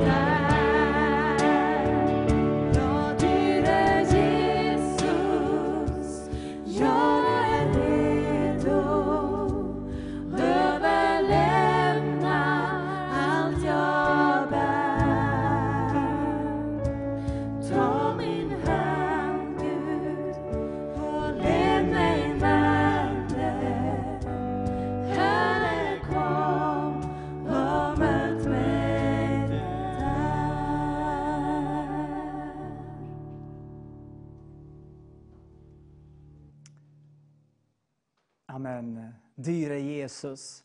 Han är så dyrbar. Och det är fantastiskt att få uppleva det han gör för oss ikväll. Han har gjort det för mig och för många andra. Och han kommer göra det för, ikväll, för, för dig ikväll också. Nu står jag tillsammans med min gode vän Markus Ringbäck från Huskvarna. Precis, Huskvarna. Huskvarna, det var ju viktigt att inte säga Jönköping. Ja, men det, det är viktigt för lokalpatrioterna. Precis. Ja. Eh, Marcus, eh, du har varit eh, här för någon vecka sedan på, Sverige Live. Men vi tyckte det är så viktigt att du kommer tillbaka. Du predikar bra, precis som Tobias och Mikael. Det är fantastiska tre evangelister som vi har fått ikväll. Och eh, du är ju evangelist och du, du jobbar som lärare. Precis, Eh, till Du har skrivit eh, tre böcker. Ja, precis. Eh, Sportintresserad, lite basketintresserad. Precis, precis som du Soran. Ja, precis. basket. Ja, ja. Och eh, du är också ledare för Live Mission. Precis. Och en missionorganisation som också utåtriktat. Eh, men vi- Ni åker till, också till Serbien, bland romer. Precis, vi jobbar i Serbien, vi Ja. jobbar i Sydasien, lite bland Sydasien. onådda folkgrupper, Mm. Indien och lite andra platser. Ja. Och du är predikant. Du älskar Jesus. Du Ja. förmedlar hans budskap. Ja, och det kommer du göra ikväll också, eller hur? Eh, känn dig fri Tack och mycket. frimodig. Det är sista timmen nu. Nu kör vi järnet för Jesus. Varsågoda och tack att du är med och stödjer. Skriv gärna på Facebook och eh, om vi har lite tid på, eh, på slutet så ska vi be tillsammans också. Men eh, nu lyssnar vi till dig Markus. Då vill jag börja med att återigen hälsa alla tittare varmt välkomna, oavsett var du befinner dig. Eh, om du är någonstans i Sverige, och du följer med via sociala medier, eller om du sitter och kollar på satellit-tv hemma i din vardagsrumssoffa, eller om du är någon annanstans i, i världen. Varmt, varmt välkommen. Eh, jag vill också säga varmt välkommen till dig oavsett vad du tror på. Om du kallar dig ateist eller agnostiker, du kallar dig skeptiker, muslim, hindu, jude eller kristen. Du är så varmt välkommen. Eh, jag tror att vi har ett budskap som är relevant för dig. Jag har ett budskap som är relevant för dig och gäller dig här idag. Eh, och jag tror också att det är så att det budskapet som vi har idag, det tål att prövas. Om det är sant och äkta, så tål det att prövas. Så var gärna kritisk, du kan gärna ifrågasätta, men ha också ett öppet hjärta. För jag tror att Gud, han vill möta med dig, där du befinner dig just nu. Jag ska läsa en vers här ifrån världshistoriens största bestseller, Bibeln, som ju är den mest eh, spridda boken, överlägset mest spridda boken, översatta och mest lästa boken i hela världen. Och eh, eh, för dig som inte är en van bibelläsare, så är det ju så att Bibeln består av två stora delar, det gamla testamentet och nya testamentet. Och i nya testamentet så finns det fyra evangelier som berättar berättelsen om Jesus Kristus. Och eh, ett av de evangelierna heter Johannes evangeliet. Och Johannes kapitel 1, vers 5, så står det så här. Ljuset lyser i mörkret och mörkret har inte övervunnit det. Ljuset lyser i mörkret och mörkret har inte övervunnit det. Vi har precis lämnat 2020 och gått in i ett nytt år. Och jag vet inte hur 2020 var för dig. Om det var ett år då alla dina drömmar slog in, eller om det var så att de enda drömmarna som slog in var dina mardrömmar. Om det var ett år med fantastiska minnen, härliga minnen, eller om det var ett år som du helst av allt vill glömma. För många människor runt om i vår värld så var 2020 ett mörkt år. Man talar i termer om att eh, 2020 med pandemin och corona eh, liksom är det värsta eh, som, som Europa har varit med om sedan andra världskriget. Och många har blivit drabbade på olika sätt, både av sjukdom och arbetslöshet. Och om vi ska vara riktigt ärliga så är det ju så att vi inte riktigt vet heller hur det kommer att utveckla sig här framöver. Och det är ju så för oss människor, när det blir mörkt, när vi inte riktigt ser vägen framåt, när vi inte vet vad som kommer att hända, då skapar det väldigt lätt rädsla i oss. Eh, på något sätt så är det så som människor att vi gärna vill ha kontroll över våra liv, över vår situation. Eh, eh, vi är ju så lite som människor. Min dotter, hon har en liten jobbig vana, eller vi ska kalla det ovana, att vakna ganska tidigt på morgonen. Och eh, på den här tiden eh, om året, när det är väldigt svart ute, så brukar vi komma ner i vardagsrummet på morgonen. Och hon är, som många andra eh, barn i den här åldern, rädd för mörkret. Så det första hon gör när hon kommer ner i det svarta, mörka vardagsrummet, det är att hon säger till mig, komma pappa. Eller så sträcker hon sin hand och tar min hand, eller så sträcker hon sig för att hålla mig i byxlinningen. Och sen kan hon gå tillsammans med mig in i det mörka vardagsrummet. För hon vet att hennes pappa går med henne. Och hon vågar då möta det där mörkret och det där okända och vad det än det där mörkret döljer. Jag kan inte stå här och säga till dig att 2021 kommer att bli ett lätt år. Jag vet inte vad som väntar. Och den här boken ger inga löften om att leva ett lätt liv. Men det finns grundmurade, bergsfasta löften att du inte behöver möta mörkret ensam. Du kan få möta det med någon vid din sida. Du kan få möta det med Gud på din sida. Gud vill vandra med dig genom livet. Och det är lättare att möta mörkret, att möta det här okända, det här okontrollerade, när man har någon som är större. En fader som du vet kommer hålla liksom din rygg, som kommer att skydda dig, som kommer att gå med dig, vad som än händer. Någon som är oföränderlig i en värld som ständigt förändras. För det är ju så att allting förändras. Ekonomin förändras, politikers åsikter förändras, klimatet förändras. Men det finns något, det finns någon som är oföränderlig, som du kan bygga ditt liv på. Och det är Gud. Det står i Jakob eh, i, i Bibeln, att Jakob 1 och 17, att bara goda gåvor kommer ner ifrån ljusets fader. Och det sker ingen växling mellan ljus och mörker hos honom. Det kommer bara goda gåvor från honom. Han ger bara goda gåvor, han är bara god. Och samma Gud som var god och trofast innan pandemin, kommer att vara trofast och god mot dig under pandemin. Och han kommer att vara trofast och god efter den här pandemin. Han förändras aldrig. Jag blev en kristen när jag var 18 år gammal. Jag, eh, eh, vid den tiden gick jag inte alls i kyrkan, jag var inte speciellt intresserad av kristen tro. Eh, men jag hade en liksom, djup växande inre tomhet eh, i mig under liksom, en längre del av gymnasiet. Och eh, jag fick börja mörkare och mörkare tankar och i slutet av gymnasiet så brottades jag väldigt mycket faktiskt med självmordstankar.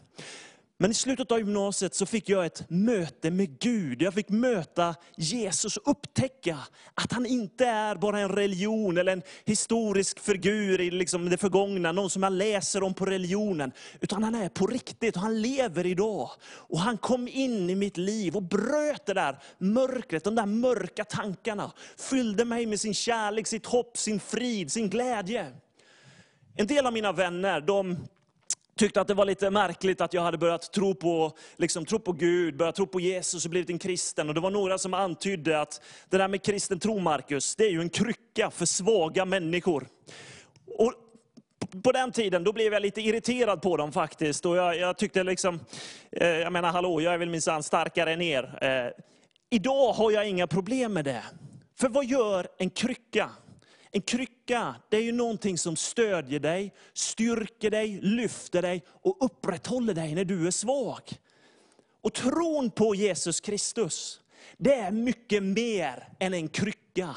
Det är en enorm livskraft som du kan dra ifrån. Som kan ge dig styrka, som kan bära dig genom de mörkaste livspassager. Men också hålla dig ödmjuk när du går igenom framgång. Och varför gå igenom livet ensam? När du kan gå igenom det med Gud som din bästa vän, som din livspartner. Han vill vandra med dig på din sida. För ett tag sedan läste jag på text-tv. Text-tv är ju kult, det är ju Google innan Google, internet innan internet. Och för en gångs skull så hade de faktiskt en nyhet om Bibeln. Eh, där det stod att den mest lästa bibelversen i år är hämtad från Jesaja 41, vers 10. Där det står så här. Frukta inte, för jag är med dig. Se dig inte ängsligt om, för jag är din Gud.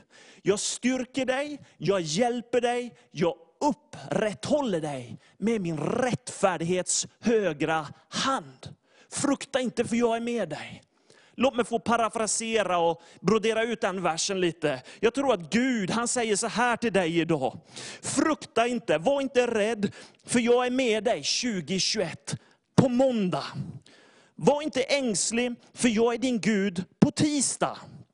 Jag ger dig styrka på onsdag, jag hjälper dig på torsdag, jag uppehåller dig med min rättfärdighets högra hand, fredag, lördag och söndag, 365 dagar om året. Min vän, du behöver inte möta det okända. Du behöver inte möta det som väntar dig och, och den här världen. Du behöver inte möta mörkret ensam. Du kan möta det tillsammans med Gud. Du kan möta det, du går med Gud hand i hand genom livet. Hur kan jag veta att Gud är med mig, säger någon. Ja, du kan veta det genom att se på Jesus Kristus. Jesus är Immanuel, Gud med oss.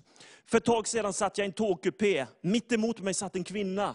Hon hade en liten annorlunda eh, halssmycke runt sin hals, där det var en muslimsk halvmåne, en buddha-symbol och ett kors avbildad. Och jag frågade kvinnan, vad betyder det här för dig?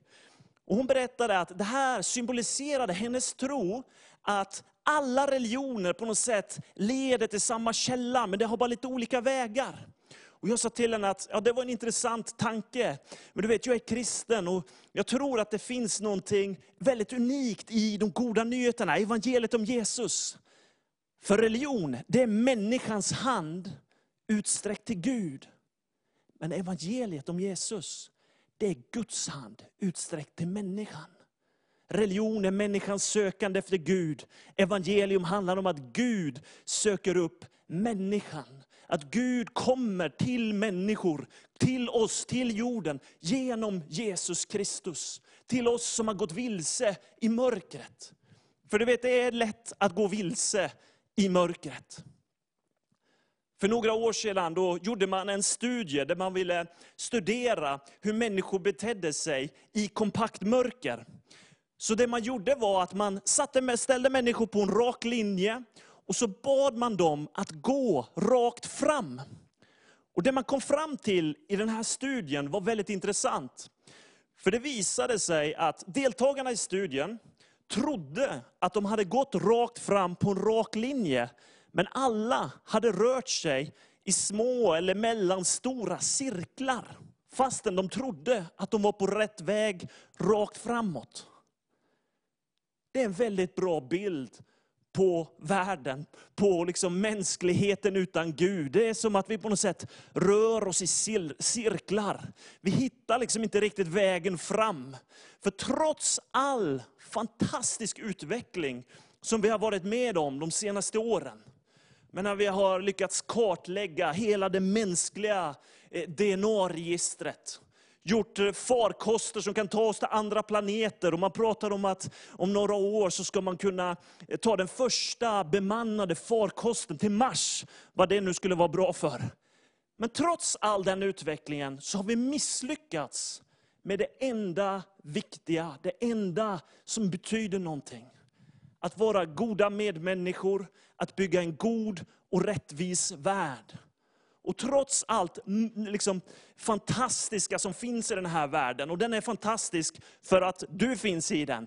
Så trots allt det här fantastiska som finns i världen, så finns det så mycket av mörker, liksom hat och egoism. Till den här världen kom Jesus.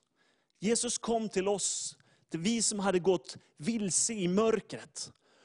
Och på något sätt är det så att när Jesus eh, föds in i den här världen så är det som att ett ljus tänds. Och Jesus han sa inte att han har bara ett litet stearinljus som han håller i sin hand. Utan han sa, jag är världens ljus. Den som tror på mig ska aldrig någonsin leva i mörkret, utan ha livets ljus. Jag är världens ljus. Så när vi ser på Jesus, så ser vi vem Gud är. Vi behöver inte famla i mörkret och gissa oss fram till liksom, vem Gud är. Utan vi kan se på Jesus och se vem Gud är. Den som har sett mig, har sett Fadern, sa Jesus. Och Jesus visar oss inte en Gud som liksom är eh, hård, dömande, sadistisk och distanserad från människors lidande och samhällets orättvisor. Nej, tvärtom. Han visar oss en Gud som liksom tar ställning för de svaga, som botar de sjuka, som konfronterar politiskt och religiöst hyckleri. Och, och liksom lyfter den som har fallit, förlåter människor och upprättar människor till ett värdigt liv. Det är den Gud Jesus visar oss. Och till skillnad mot andra stora ledare som har levt genom historien, så levde Jesus faktiskt som han lärde. Han sa inte en sak på, en, på liksom ett möte och gjorde någonting annat, utan han levde som han lärde och han sökte aldrig att vinna fördelar för sig själv, även om han hade många möjligheter till det. För Jesus han var väldigt populär. Ibland så framställer man liksom Jesus som en person som hade en liten grupp efterföljare eh, eh, eh, liksom runt omkring sig. Och, och, och liksom som en liten obskyr rörelse. Men Jesus var otroligt populär på sin tid. Och han är otroligt populär även idag. Han har faktiskt blivit världshistoriens största influencer med mer än två miljarder följare. Men han har inte fått dem genom att liksom, eh, eh fjäska eller visa upp någonting som eh, eh, eh liksom, eh, eh, bygga på sitt eget egen intresse. Utan han har gjort det genom att vinna människors hjärtan med sin kärlek. Jesus visar oss en fantastisk Gud. Jesus visar oss hur vi ska leva våra liv. Förlåt andra, så ska ni själva bli förlåtna. Det är mer välsignat att ge än att få. Gör mot andra som du vill att det ska göra mot dig. Tänk om världen hade levt som Jesus bara en vecka. Tänk om världen hade levt som Jesus sa att vi skulle leva bara en dag. Vilken skillnad hade inte det gjort? Jag är världens ljus. När Jesus var 30 år så började han att förkunna det här budskapet. Han skrev själv aldrig någon bok, han hade ingen reklambyrå till hjälp för att sprida sitt budskap, utan han bara vann människors hjärtan genom sin radikala kärlek. Men efter några år så vände sig hans samtid emot honom. Det var som att ljuset ifrån Jesus konfronterade mörkret i andra människors liv, och det klarade de inte av. Så han blev dömd att dö på ett kors. På vägen till korset så spottar man Jesus i ansiktet. Han blir misshandlad. Han får lida enorm fysisk smärta.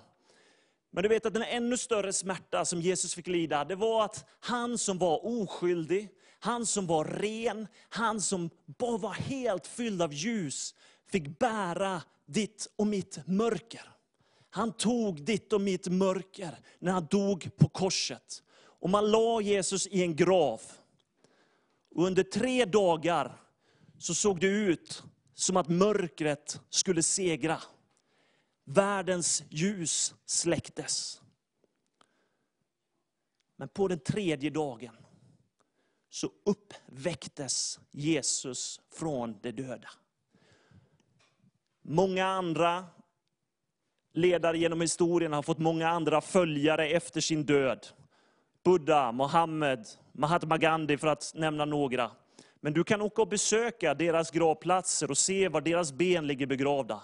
Det kan du inte göra med Jesu grav, för den är tom. Jesus lever idag.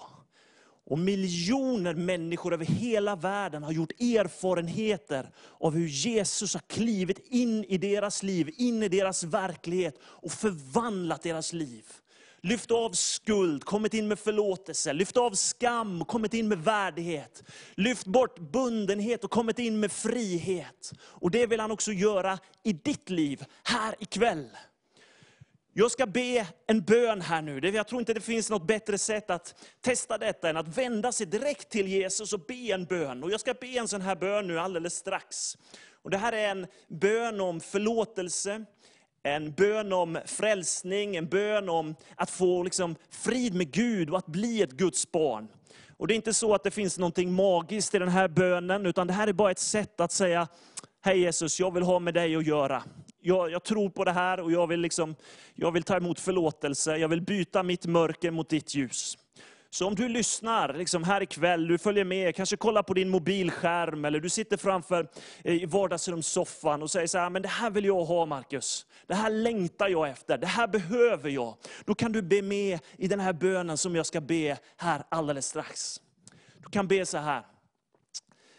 Tack Jesus, att du kom hit ner till jorden.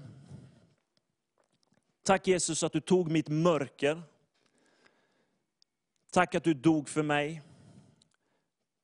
Tack att du älskar mig. Förlåt mig min skuld. Gör mig till ett Guds barn. Jag vill lära känna dig. Amen.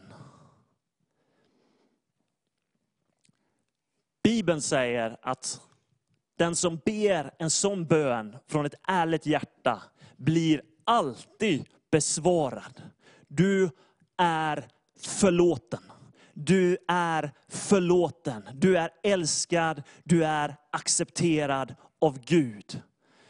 Jag vill uppmuntra dig att ta, gärna ta kontakt med, eh, ringa det numret som du kan se här nere på skärmen via callcenter. Det finns människor som vill eh, prata med dig, eh, som vill uppmuntra dig. Eh, jag vill också uppmuntra dig till att fortsätta prata med Gud, ha ett samtal med Gud, fortsätta att be. Hitta gärna en bibel, läs Bibeln, läs Guds ord. Och hitta också liksom en gemenskap. Gå till en kyrka när kyrkan öppnas igen. eh, Och hitta andra som liksom följer Jesus, tror på Jesus. Och du kan lära dig att växa i lärjungaskap och i din relation med, med, med Jesus. Gud välsigne dig. Nu ska vi lyssna på en till härlig lovsång.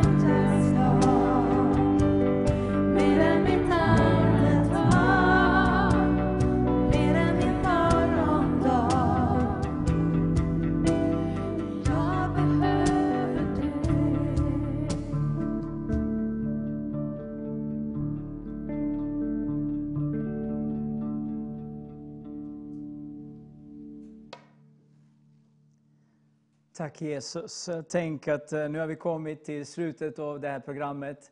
Det har varit en underbar kväll, eller hur? Där Herren har berört mitt hjärta och ditt hjärta. Och genom lovsång och tillbedjan, genom predikan och vittnesbörd. Så du kunde bara känna, tror jag, att Jesus bryr sig om dig. Att han vill välsigna dig och frälsa dig. Så jag vill tacka alla som har medverkat ikväll. Tack alla på callcenter. Tack alla människor som har svarat på Facebook. Tack eh, bandet för underbara sånger. Eh, tack alla predikanter och eh, evangelister, de som har vittnat. Alla på video och inspelningar. Halleluja, vilken kväll, eller hur? Nu blickar vi till, till morgondagen och imorgon så kommer Sven Bengtsson, Jonathan Svensson, Markus Olsson och Ellen Tornell. Och det kommer bli också fantastisk kväll med underbara predikanter, underbara vittnesbörd, sångerna och tillbedjan till vår Herre. Nu avslutar vi med en eller kanske två sånger om vi hinner. Men var riktigt välsignad. Tack för ikväll. Tack att du ber för Vision Sverige, men också tack att du ber för Sverige. Vi ska se en förvandlat, förvandlat land. Amen. Var välsignad.